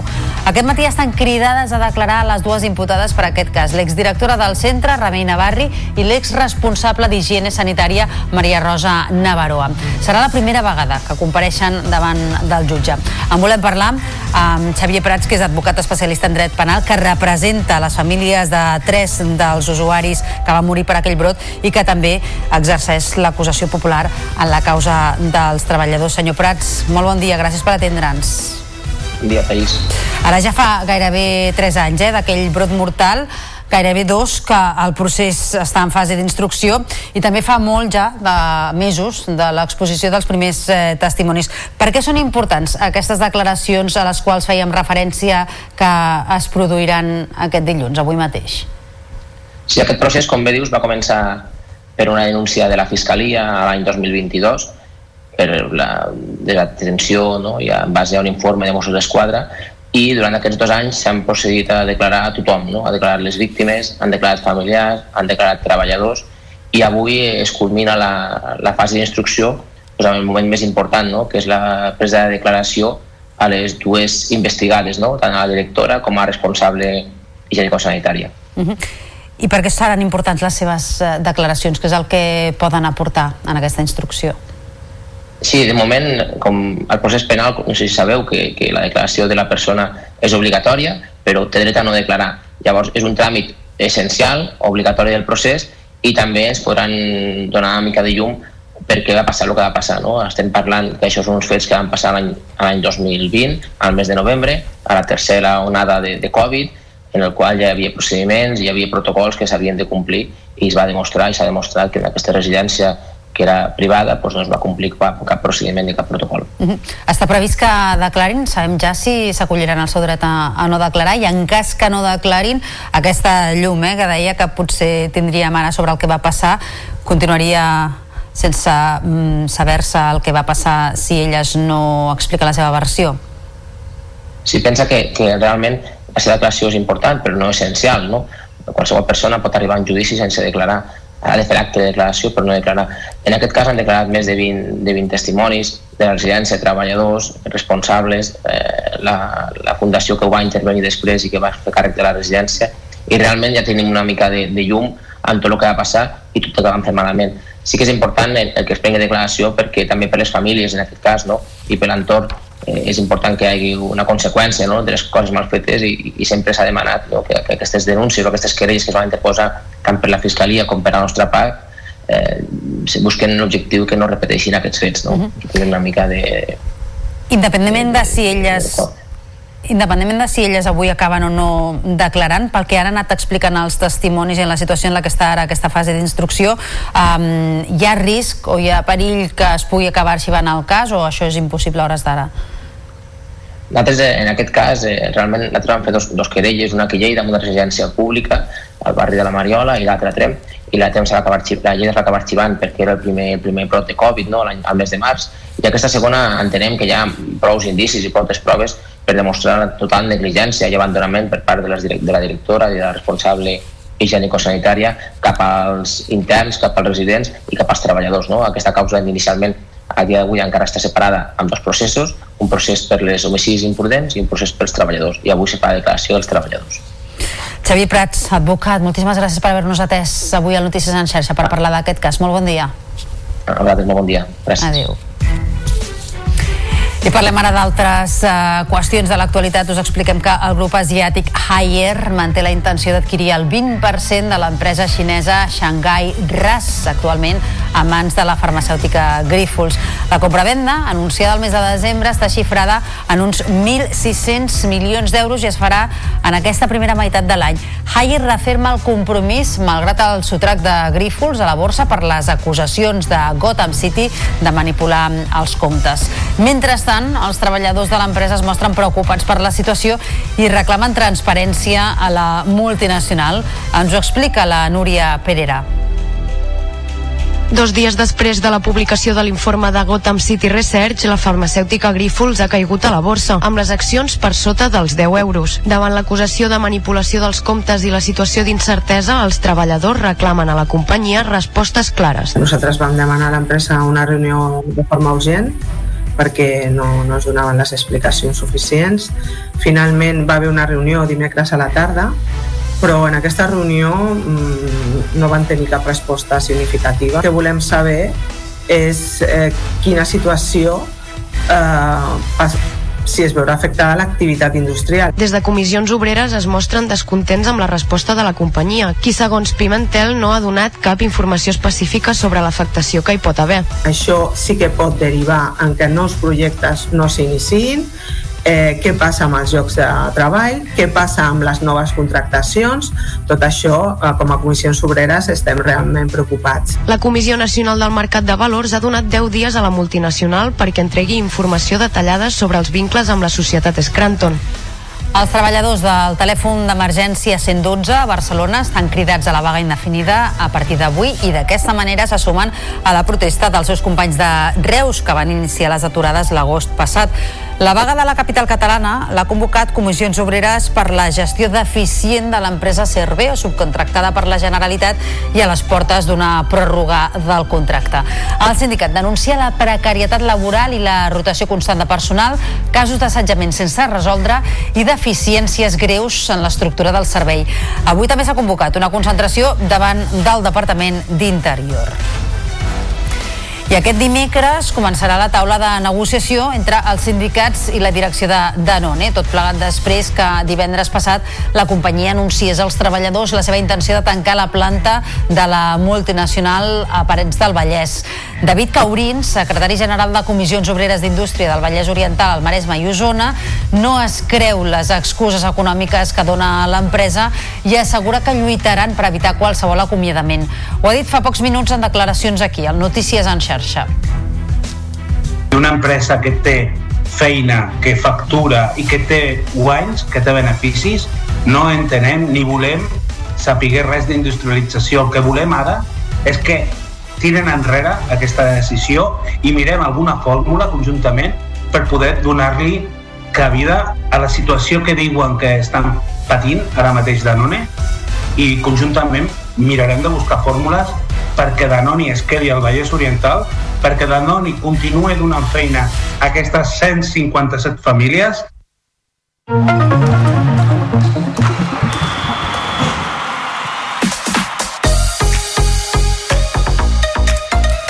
El Barça va caure golejat per 4-1 davant el Real Madrid en la final de la Supercopa.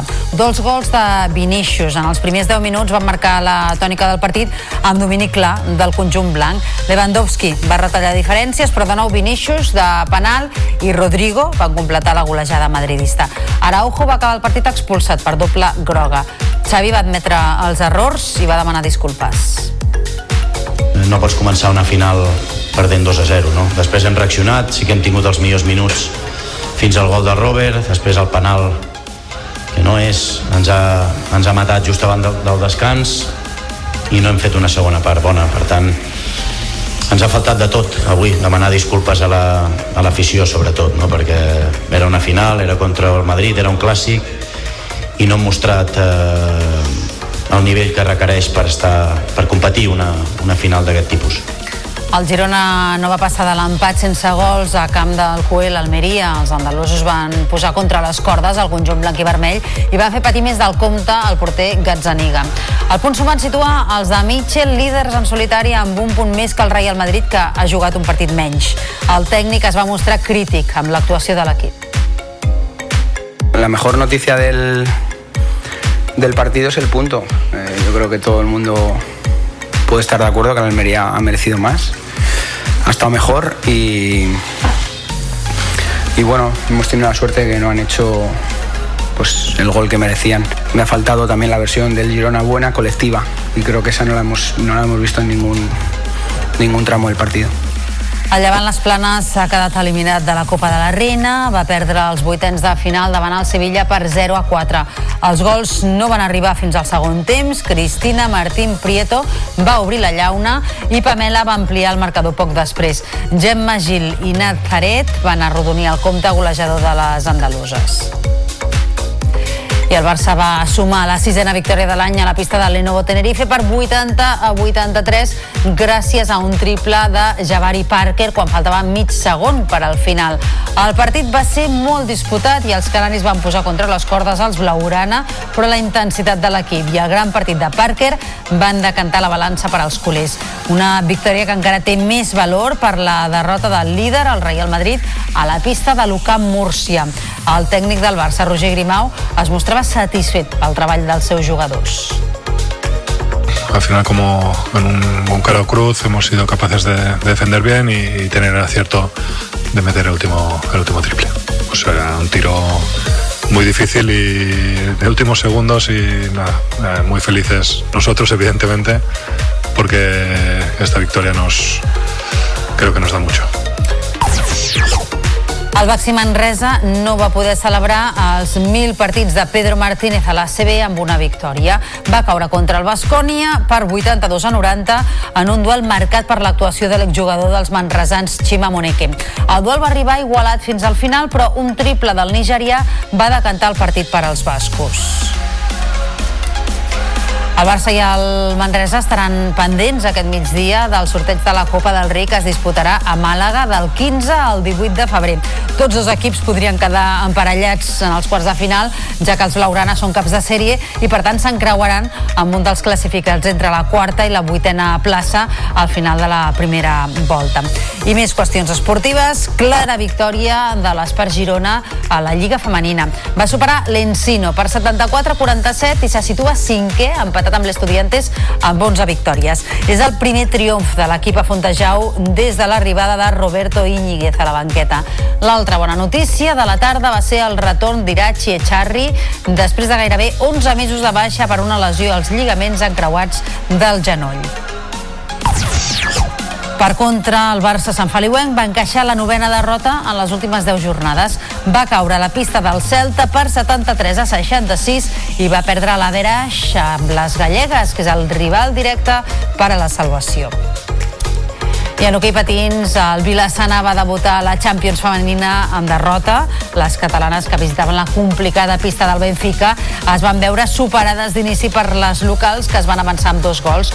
En l'últim minut del primer temps, Victòria Porta va donar ales a les del Pla d'Urgell, però a la represa Raquel Santos va fer el 3 a 1 definitiu. A l'hoquei Lliga el Barça es va imposar per 3 a 6 en el clàssic a la pista del Reus. Els locals van avançar-se amb la Diana de Martí Casas, però quatre gols dels Blaugrana van capgirar el marcador. Arnau Canal va ajustar el marcador amb el 2 a 4, però els gols de Panadero i Joao Rodríguez van sentenciar. El Blaugrana Sergi Panadero valorava la victòria. Sabem la, la, lo complicat que és venir aquí a jugar a Reus eh, i content, content per l'actitud de l'equip, eh, molt posat en tot moment, estem en una dinàmica molt bona, de confiança i al final això es trasllada a la pista. S'han ficat per davant, però de seguida l'equip s'ha sobreposat aquest gol amb, jo crec que amb contundència i, i ja dic, eh, la dinàmica que portem fins ara és molt bona, hem de seguir aquesta línia. El partit va servir per homenatjar Raúl Marín, exjugador de tots dos equips i que va anunciar la retirada abans de l'inici de temporada després de mesos lesionat. Marín, que ara forma part del cos tècnic roig i negre, va penjar els patins amb un palmarès que inclou tres lligues, tres copes d'Europa, dos mundials i un europeu, entre d'altres títols. I a aquesta hora, en marxa, hi ha la vuitena etapa del Dakar, en què els pilots afronten 458 quilòmetres d'especial entre el Duadimi i Hail, per un terreny que passarà de sorrenc a Dragós. En la darrera jornada, Laia Sanz va acabar vintena i es va situar al top 15 de la general. L'etapa la va guanyar Sebastián Loeb i Carlos Sainz, que continua el líder, per, i Carlos Sainz, volem dir, que continua líder, va ser el quart. Isidre Esteve ocupa la trentena posició, mentre que Nani Roma va haver d'abandonar.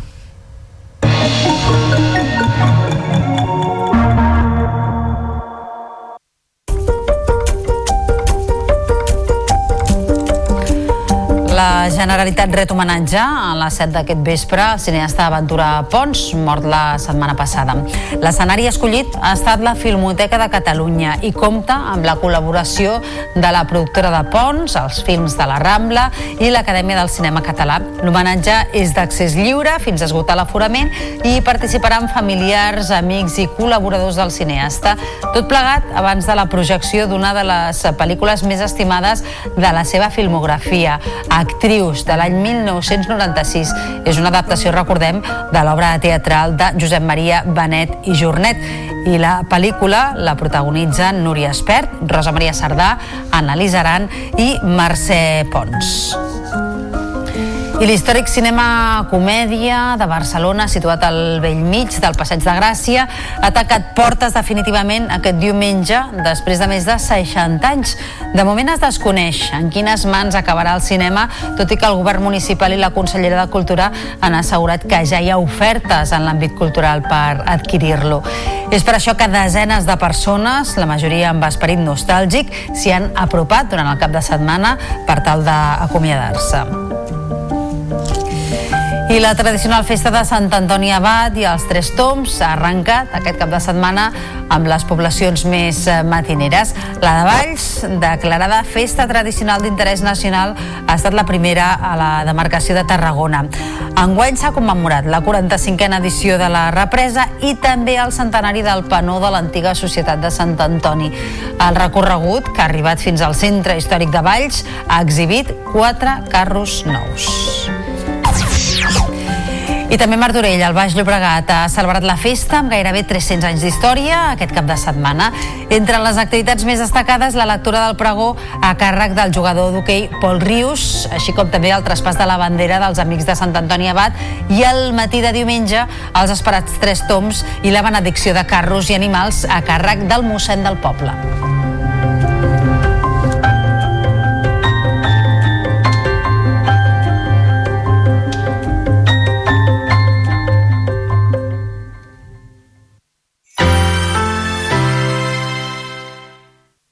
La xarxa de comunicació local.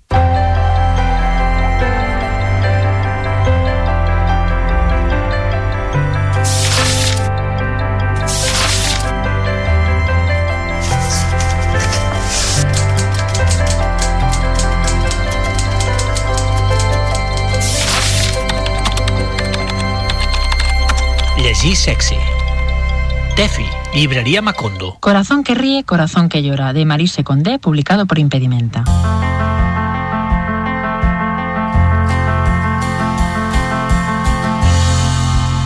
Me gustaría recomendar hoy Corazón que ríe, corazón que llora, de Marise Condé, que publica en una preciosa edición Editorial Impedimenta. Una novela corta, irónica y punzante, aunque aparentemente ingenua, situada en la isla caribeña de Guadalupe, que trata con precisión cirujana el tema del colonialismo, de las relaciones familiares, del racismo o de la identidad, entre otras muchas cosas.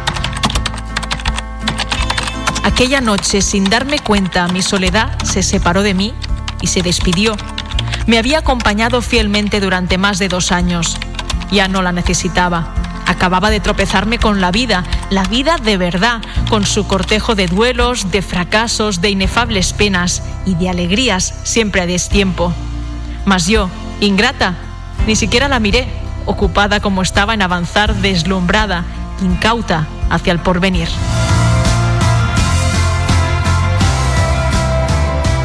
Hace falta visibilizar más voces como la de Condé, que nos hace vibrar con sus historias y al mismo tiempo nos plantea preguntas imprescindibles.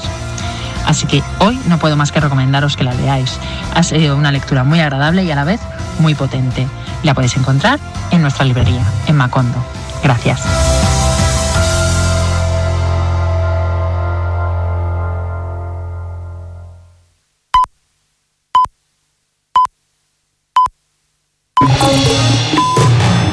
Notícies en xarxa, edició matí.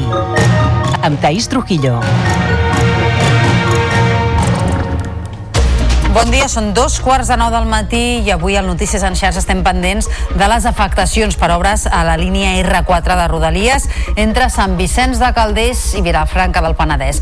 De seguida connectarem en directe amb els companys de Penedès Televisió perquè els treballs a la via a motiu de l'adequació a l'ample del corredor mediterrani obliguen a activar des d'aquest dilluns un servei alternatiu per carretera pràcticament al llarg de tota la jornada durant els dies feiners. Al cap de setmana i als festius es mantindrà el funcionament de la línia sense cap alteració. Aquesta afectació s'allargarà fins al mes d'agost. També us estem explicant que Acció Climàtica presenta dos projectes per garantir un rec de suport al Priorat en situacions de sequera. Totes dues passen per captar aigua de l'Ebre per abastir els pantans de la comarca i assegurar l'activitat agrària d'unes 5.000 hectàrees de vinya i olivera. I d'aquí a uns minuts connectarem en directe amb el Port de Roses, de la mà dels companys d'Empordà de Televisió, perquè les confraries de Roses, Llançà i Port de la Selva comencen aquest dilluns una parada biològica de 5 mesos per protegir el medi marí. El sector reclama més ajudes de l'administració per cobrir el temps d'aturada de l'activitat dels pescadors. I avui també us hem explicat que estan citades a declarar dues exresponsables de la residència Fiella de Trem, on més d'una seixantena d'usuaris van morir el 2020 per un brot de Covid. La causa és per un delicte contra la seguretat dels treballadors i queda pendent la compareixença per delicte d'homicidi imprudent i tracte degradant. I en esports, el Barça va caure golejat per 4-1 davant el Real Madrid en la final de la Supercopa. Un hat-trick de Vinícius i un quart gol de Rodrigo van sentenciar els blaugrana que no van tenir cap opció. L'única diana dels de Xavi la va marcar Lewandowski. Araujo va acabar el partit expulsat. I en cultura us expliquem que la Generalitat ret homenatge aquest dilluns a Ventura Pons a la Filmoteca de Catalunya. L'acte serà d'accés lliure fins a esgotar l'aforament i comptarà amb la participació de familiars, amics i col·laboradors del cineasta. S'hi projectarà una de les pel·lícules més estimades de la seva filmografia, Actrius, protagonitzada per Núria Espert, Rosa Maria Sardà i Anna Lizaran.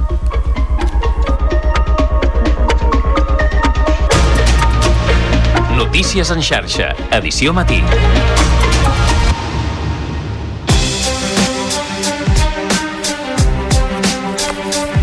Des d'aquest dilluns i fins l'agost, la línia R4 entre Sant Vicenç i Vilafranca es veurà afectada per obres. El tram Sant Vicenç de Calders-Vilafranca de l'R4 estarà tallat la major part del dia a partir d'avui i fins al 16 d'agost per obres del corredor mediterrani.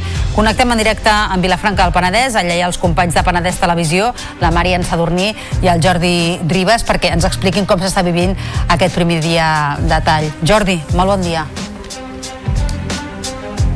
Molt bon dia, doncs ens trobem a l'andana número 2, la que ens portaria directament cap a Sant Vicenç de Caldós i ara mateix és una andana fantasma. Uh, des de les 8 del matí fins a les 7 de la tarda hi haurà aquesta tall que, que afecta entre Vilafranca i Sant Vicenç de Calders i s'ha de donar un pas a un circuit alternatiu amb autobús. Uh, el, que, el que a més a més per la tarda també eh, afectarà aquest servei i com bé deies fins al 16 d'agost. Els usuaris i usuàries que han arribat en el primer tren del matí que afectava aquest tall eh, ens han comentat que, que aquestes afectacions el que fan és que replantegin el seu viatge fins a les properes eh, estacions. Les escoltem. Han avisado de que es por arreglos de la vía, entonces nos dejan aquí, nos toca coger un autobús para continuar con el recorrido. Jo no ho sabia perquè des de les festes pues, que no havia agafat el tren, no? I ara pues, avui m'he trobat amb això, però a mi això m'és un inconvenient perquè ara, ara para't aquí, ara vés a, a caminar 500 metres, agafa l'autobús que et porti a l'Arbós, després agafa l'autobús que et porti aquí. Escolta, perquè no sé per què no poden arribar allà, fan obres, vale? però fins abans de les festes els trens anaven cap allà uns talls els els d'aquesta els via eh, per, bé, pel corredor de Mediterrani que s'està creant aquesta ampliació al tercer carril entre aquestes estacions. Estacions com la del Vendrell, el Bosch i les Monjos que també s'aprofitaran per adequar-les i renovar-les a l'actualitat. Eh, recordem que als caps de setmanes no hi ha aquesta afectació i tan sols és de dilluns a divendres fins al proper 16 d'agost. Jordi Ribas, companys de Penedès Televisió, gràcies per aquesta connexió en directe des de Vilafranca. Molt bon dia. I on sí que millora ja el transport és a la línia d'autocar entre Ripoll i Girona, que augmenta de freqüència a partir d'aquest dilluns. En concret ofereix quatre viatges més d'anada i tornada, de dilluns a divendres feiners, i dos més als caps de setmana. L'ampliació d'horaris és una reivindicació històrica dels habitants del Ripollès, tant per millorar la connexió amb Girona i especialment amb l'hospital, com per cobrir la demanda d'estudiants i de treballadors. Per això connectem en aquests moments amb els companys de televisió del Ripollès, Jordi Amàrita i Judit Espert, per veure com s'ha rebut eh, aquest eh, augment de freqüències. Judit, molt bon dia. Bon dia, doncs com deies, avui entra en vigor aquestes novetats perquè fa el transport públic eh, des de la comarca del Ripollès i fins a Girona i per explicar-nos-ho tot tenim el, el... Ara em sortirà Sergi Albic. Eh, director dels serveis territorials del Departament de Territori Girona. No em sortia, perdó. Uh, per què heu apostat per aquestes novetats i què, què voleu garantir amb aquests nous serveis de transport públic que, que heu posat en marxa a partir d'avui? Bé, la millora de les connexions dels municipis del país és un dels objectius principals de, del Departament de Territori de la Generalitat de Catalunya. Bàsicament amb aquesta voluntat de connectar tots els nuclis de població i, i amb comarques com el Ripollès, doncs, com més bones connexions tinguem amb les principals capitals i nuclis urbans del país, doncs és evident que podem, és una eina més per lluitar contra la despoblació d'una comarca doncs, que perd població com el Ripollès.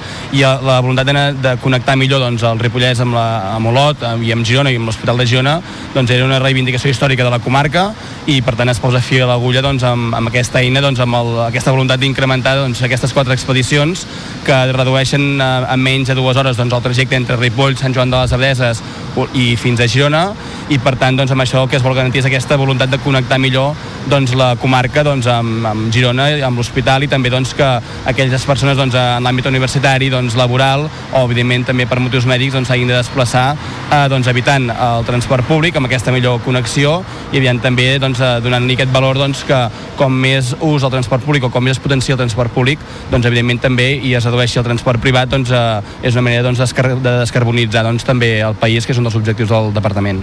Una de les característiques que hem de subratllar d'aquest nou servei que es posa en marxa a partir d'avui és que és una connexió directa entre el Ripollès i Girona, només fa quatre parades, per tant, no és uh, un transport que hagués d'anar uh, poble per poble, sinó que el que voleu intentar és que hi hagi la connexió més directa entre les dues comarques. Exacte, el fet d'anar-te'n del Ripollès fins a Girona, uh, no, els que ho hem fet moltes vegades, doncs al final es passa per un conjunt de poblacions doncs, que, que, no, que, que bàsicament uneixen, uh, diguem-ne, de Ripoll a Girona Girona i per tant aquests quatre, aquestes quatre expedicions directes doncs això fan quatre parades, no? Ripoll, Sant Joan, eh, Olot i Girona amb aquesta voluntat de reduir el temps i per tant d'aquesta manera el que fem és que de Ripoll fins a Girona hi haurà 11 expedicions diàries i a l'inversa n'hi haurà 12 i a la vegada també al cap de setmana el que es fa és s'incrementa una nova eh, connexió i per tant passem de dues a tres en els, en els dos sentits.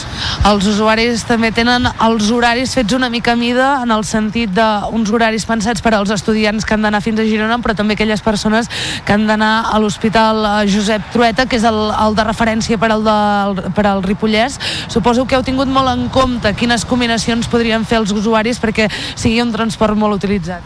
Exacte, la voluntat és que abans de dos quarts de nou del matí doncs, les persones del Ripollès puguin sortir cap a Girona, eh, per tant s'arriba a l'entorn de les 11 amb aquesta idea d'intentar doncs, al màxim doncs, afavorir la connexió a nivell universitari, nivell de serveis mèdics o nivells laborals. No? Al final la distància és la que és i per tant reduir el temps de viatge era la voluntat de fer, en podríem dir, el màxim de competitiu eh, el viatge perquè sigui el màxim de realista doncs, que, que hi hagi, com més flexibilitat horària eh, hi hagi, no? les persones en funció doncs, de la necessitat que tinguin doncs, es puguin desplaçar doncs, en, en ambdós sentits. Aquesta descarbonització que parlaves amb aquesta aposta també es va fer evident ara fa un any amb la posada en marxa del clic.cat també al Ripollès mica en mica el Departament de Territori va posant eines a disposició dels ciutadans d'aquesta comarca perquè no utilitzin tant el transport privat que aquí estem molt habituats a agafar el cotxe i que tinguin eines a la seva disposició perquè el cotxe es quedi aparcat i agafem el transport públic. Exacte, de fet la, bondat del, del, del departament és el que et deia, és com més transport públic que, diguem-ne, s'impulsi, el que fem és posar eines a disposició de la ciutadania perquè es puguin desplaçar i per tant això pugui unir, no? Bàsicament per als motius que siguin, que la gent es pugui desplaçar pel, uh, pel territori i per tant com més eh, s'entengui que el transport públic és una eina útil, és evident que això va en detriment doncs, d'utilitzar el transport privat i per tant això va lligat amb un increment de la seguretat, eh, de l'efectivitat i evidentment amb, amb reduir les emissions eh, doncs, diguem-ne de, de diòxid de carboni i altres gasos doncs, que s'emeten a l'atmosfera i per tant són part responsable del, del canvi climàtic que estem patint. No? Per tant, el departament està determinat amb aquesta voluntat d'impulsar el transport públic, fer-lo al màxim d'útil i utilitzable eh, pel ciutadà i per tant això, eh, ja dic, en comarques com el Ripollès doncs contribueix a la lluita de la despoblació perquè al final com més bones connexions tinguem eh, des de la comarca doncs és evident que eh, és una eina més per garantir que les persones puguin viure eh, al Ripollès i per tant eh, això eh, és un dels objectius principals del Departament i del Govern de la Generalitat. Gràcies senyor Albric per acompanyar-nos doncs el Ripollès que disposa d'una nova connexió directa entre la comarca i Girona. Judit Esper, companys de Televisió del Ripollès, gràcies per aquesta connexió en directe per parlar avui de transport públic i de les millores que s'hi estan fent al territori. Molt bon dia. Notícies en xarxa. Tota la informació al teu abast.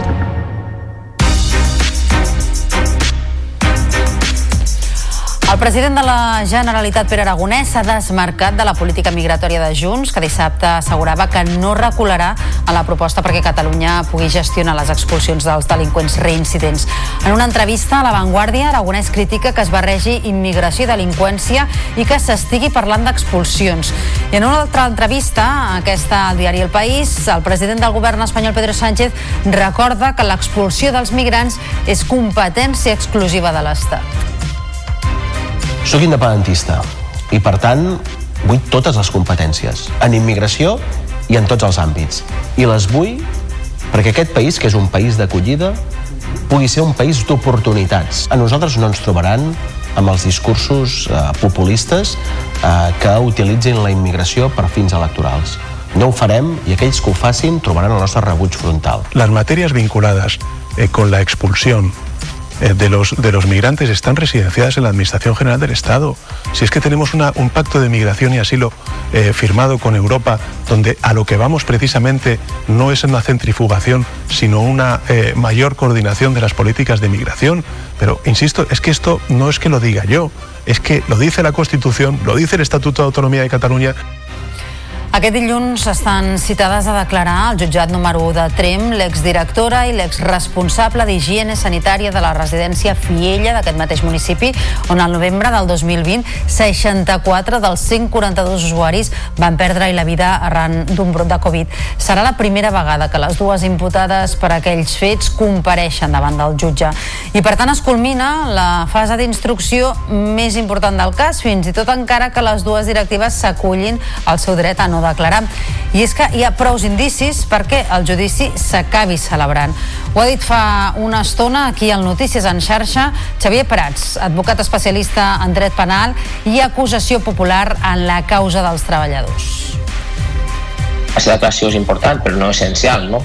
Qualsevol persona pot arribar a un judici sense declarar. En aquest cas han declarat més de 20, de 20 testimonis de la residència, treballadors, i realment ja tenim una mica de, de llum en tot el que va passar i tot el que van fer malament.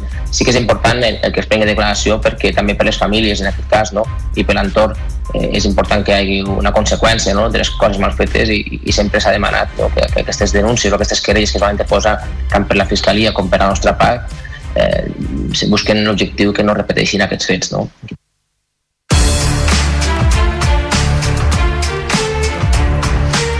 Govern ha presentat dos projectes per garantir un rec de suport al Priorat. Les dues propostes independents captaran aigua del riu Ebre per abastir els pantans de la comarca i assegurar l'activitat agrària d'unes 5.000 hectàrees de vinya i olivera. Ens ho expliquen els companys de Canal Reus. D'una banda, proposa connectar la xarxa de regadiu del canal Garriga Sud amb l'embassament de la Palma d'Ebre per abastir el pantà de Margalef. I de l'altra, portar aigua del riu Ebre des de Garcia fins al pantà de Siurana, una infraestructura més costosa que requereix de la construcció d'una canonada de 30 quilòmetres. Són dos projectes, un d'ells és relativament senzill, estem en disposició aquest any de licitar la redacció del projecte executiu i per tant a final d'any el tindrem fet i l'any que ve ja licitarem les obres i l'altre, que és una mica més eh, costós, una mica més complicat eh, i que també depèn de que entri en la propera planificació de la XEM, la qual ja hem parlat i, i sembla que ho veuen amb bons ulls, eh, de manera que en els dos casos, segurament en el primer a partir del 26 i en el segon a partir del 27, podríem estar ja regant amb aquest rec de suport totes aquestes hectàrees de, de vinya i d'olivera. Si bé des del territori són receptius a les propostes, aquests projectes han de donar solució a l'abastiment de rec, però per a l'aigua de boca caldrà continuar treballant en la potabilització d'aquesta aigua que arribarà de l'Ebre o del canal Garriga Sud. Els dos projectes de rec que han d'abastir d'aigua al Priorat ja tenen els estudis de viabilitat i comptaran amb un pressupost d'uns 60 milions d'euros.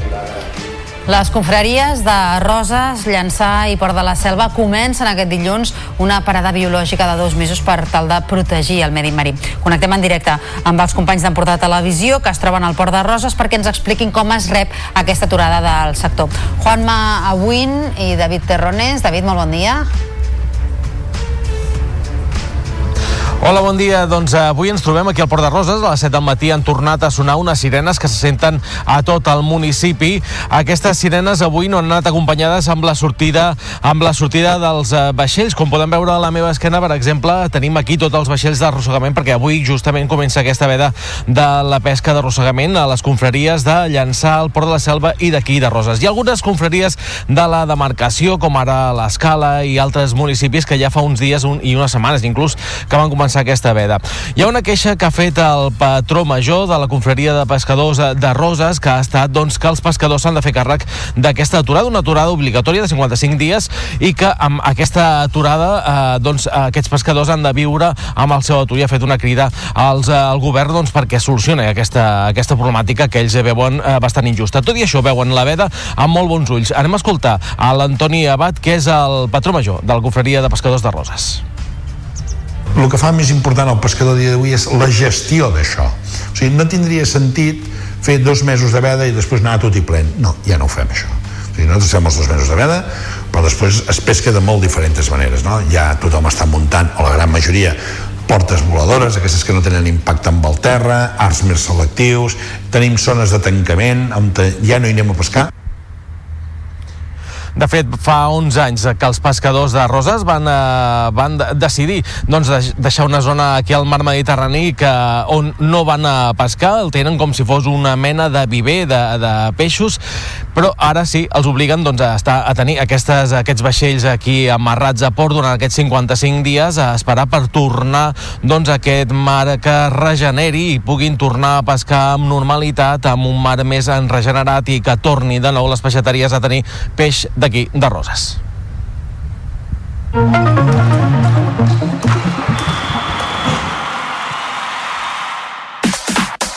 Falten 12 minuts ara perquè siguin les 9 en punt del matí. Aquí al Notícies en xarxa repassem tota l'actualitat esportiva.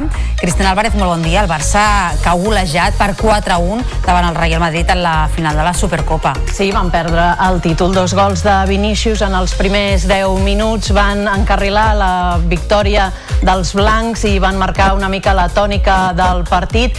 Lewandowski va retallar diferències, però posteriorment un altre gol de Vinícius de penal i també un gol de Rodrigo van acabar de marcar la golejada. A més, Araujo va acabar expulsat per doble admonestació. Xavi Hernández reconeixia els errors i demanava també disculpes.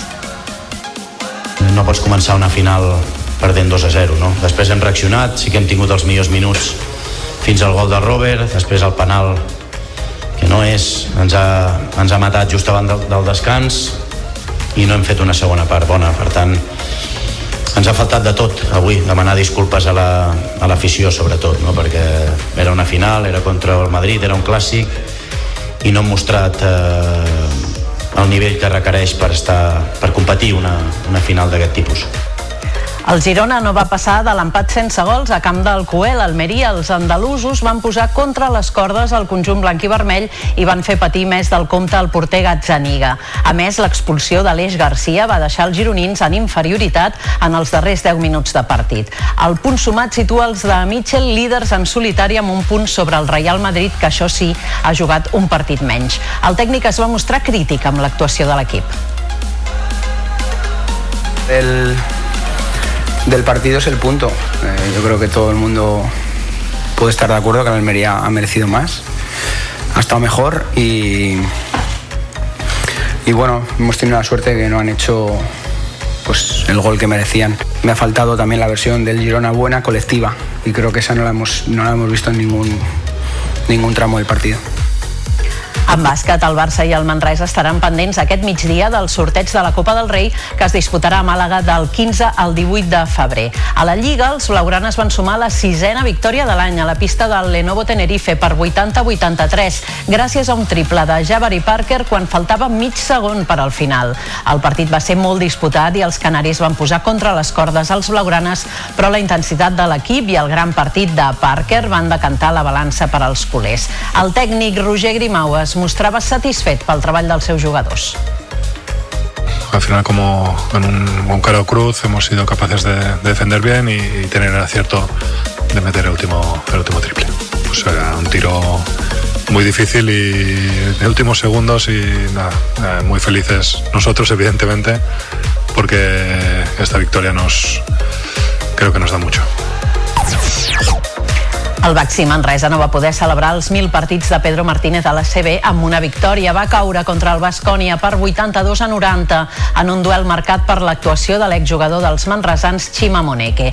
El duel va arribar igualat fins al final, però un triple del nigerià va decantar el partit per als bascos. Clara victòria de l'Espar Girona a la Lliga Femenina va superar l'Encino per 74 a 47 i se situa cinquè empatat amb l'Estudiantes amb 11 victòries. És el primer triomf de l'equip a Fontejau des de l'arribada de Roberto Íñiguez a la banqueta. L'altra bona notícia de la tarda va ser, va ser el retorn d'Irati Echarri després de gairebé 11 mesos de baixa per una lesió als lligaments encreuats del genoll. Per contra, el Barça Sant Feliuenc va encaixar la novena derrota en les últimes 10 jornades. Va caure a la pista del Celta per 73 a 66 i va perdre la baraja amb les gallegues, rival directe per la salvació. La derrota deixa les blaugranes 14enes en la posició que marca la permanència. Gràcies, Cristina, que vagi bé. Fins demà. Fins demà. Nosaltres ara obrim plana cultural explicant-vos que la Generalitat ret homenatge aquest vespre a les 7 de la tarda al cineasta Ventura Pons, que recordem que va morir la setmana passada. L'escenari escollit ha estat la Filmoteca de Catalunya i compta amb la col·laboració de la productora de Pons, els films de la Rambla i l'Acadèmia del Cinema Català. L'homenatge és d'accés lliure fins a esgotar l'aforament i hi participaran familiars, amics i col·laboradors del cineasta. Tot plegat serà abans de la projecció d'una de les pel·lícules més estimades de la seva filmografia. Es tracta d'Actrius, una pel·lícula de l'any 1996 que és, recordem, una adaptació de l'obra teatral de Josep Maria Benet i Jornet i que protagonitzen Núria Espert, Rosa Maria Sardà, Anna Lizaran i Mercè Pons. I l'històric cinema comèdia de Barcelona, situat al vell mig del Passeig de Gràcia, ha tancat portes definitivament aquest diumenge després de més de 60 anys. De moment es desconeix en quines mans acabarà el cinema, tot i que el govern municipal i la consellera de Cultura han assegurat que ja hi ha ofertes en l'àmbit cultural per adquirir-lo. És per això que desenes de persones, la majoria amb esperit nostàlgic, s'hi han apropat durant el cap de setmana per acomiadar-se.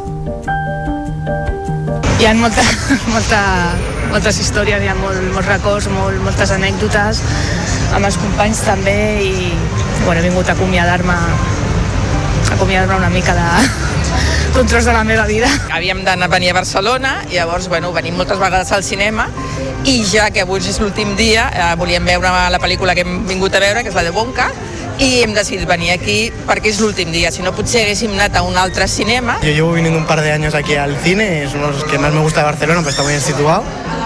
Y bueno, me acabo de enterar que cierra, que no tenía ni idea. És una llàstima. Vas veient com els cines van tancant i eh, et dona la impressió de que pues, eh, és trist veure que les coses no resisteixen al temps. El tancament del Comèdia se suma a la llista de cinemes i teatres que han hagut de baixar la persiana els últims mesos. Tant és així que molts altres s'han reinventat per poder subsistir en un moment difícil pel sector. És una crònica de la Gisela Jimeno. És el cas de l'Espai Texas, situat al barri de Gràcia. Des de l'octubre de l'any passat ha tornat a funcionar gràcies al reclam popular amb dues sales de cinema i un espai teatral amb 200 localitats. Un lloc amb més de 112 anys d'història que en l'actualitat s'ha reconvertit per atrapar de nou a l'espectador. És molt dur perquè hem hagut de barrejar cinema, teatre i bar, que dic que hem hagut amb la il·lusió eh, de dir, ostres, anem a crear això un nou, un, nous eh, atractius, però està costant, està costant, ara cada cop anem recuperant més un altre cop el veïnat clàssic d'aquí del barri.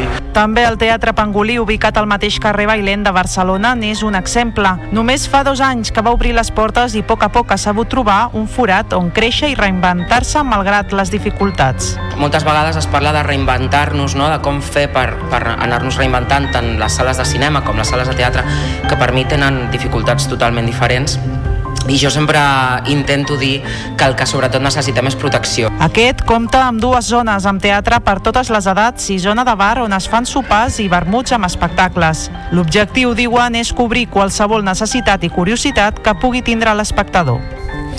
La tradicional festa de Sant Antoni Abat i els Tres Toms ha arrencat aquest cap de setmana amb les poblacions més matineres. La de Valls, declarada festa tradicional d'interès nacional, ha estat la primera a la demarcació de Tarragona. Enguany s'ha commemorat la 45a edició de la represa i també el centenari del penó de l'antiga societat de Sant Antoni. La festa també ha recuperat la rifa del porquet. I també Martorell, el Baix Llobregat, ha celebrat la festa amb gairebé 300 anys d'història aquest cap de setmana. Entre les activitats més destacades, la lectura del pregó a càrrec del jugador d'hoquei Pol Rius, així com també la benedicció de carros i animals a càrrec, en aquest cas, del mossèn del poble. Doncs així hem arribat al final del Notícies en xarxa d'aquest dilluns, dia 15 de gener. Tornem demà amb més informació de territori a primera hora del matí. Que passin una molt bona jornada. Adéu.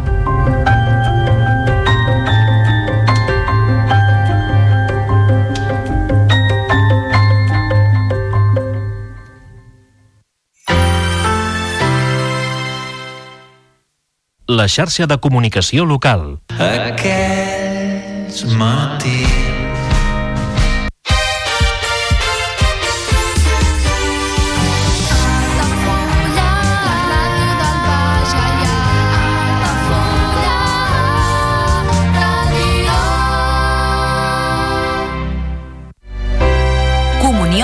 2024. Dates ja disponibles amb sales privades, jardí, pàrquing privat i la millor gastronomia. Més informació i reserves al 977 65 11 55 i a comercial arroba altafullamarotel.com o al web altafullamarotel.com.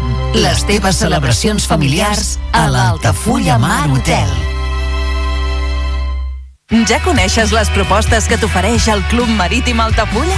Vine i descobreix totes les nostres activitats. Sortides en caiac o pa del surf, cursos de vela per a totes les edats. No t'ho perdis. Club Marítim Altafulla. Obert tot l'any i per a tothom.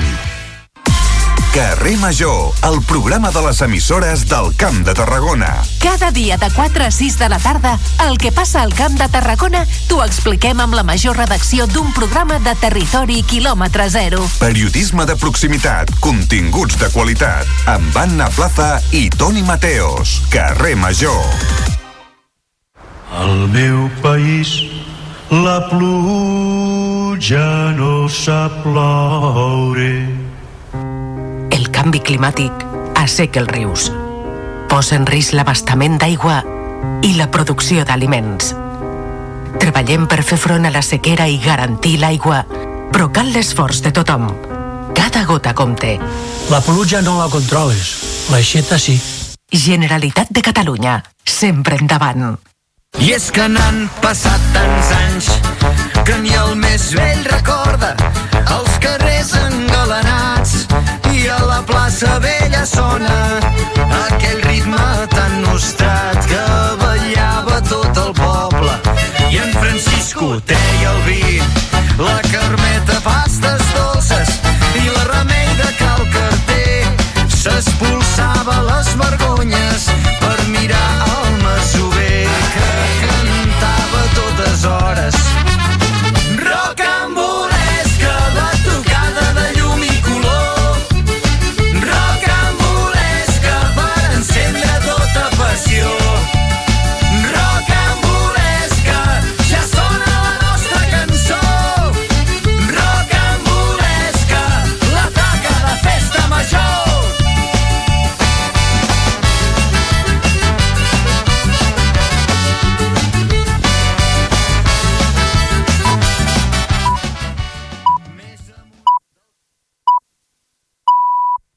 Són les 9 del matí.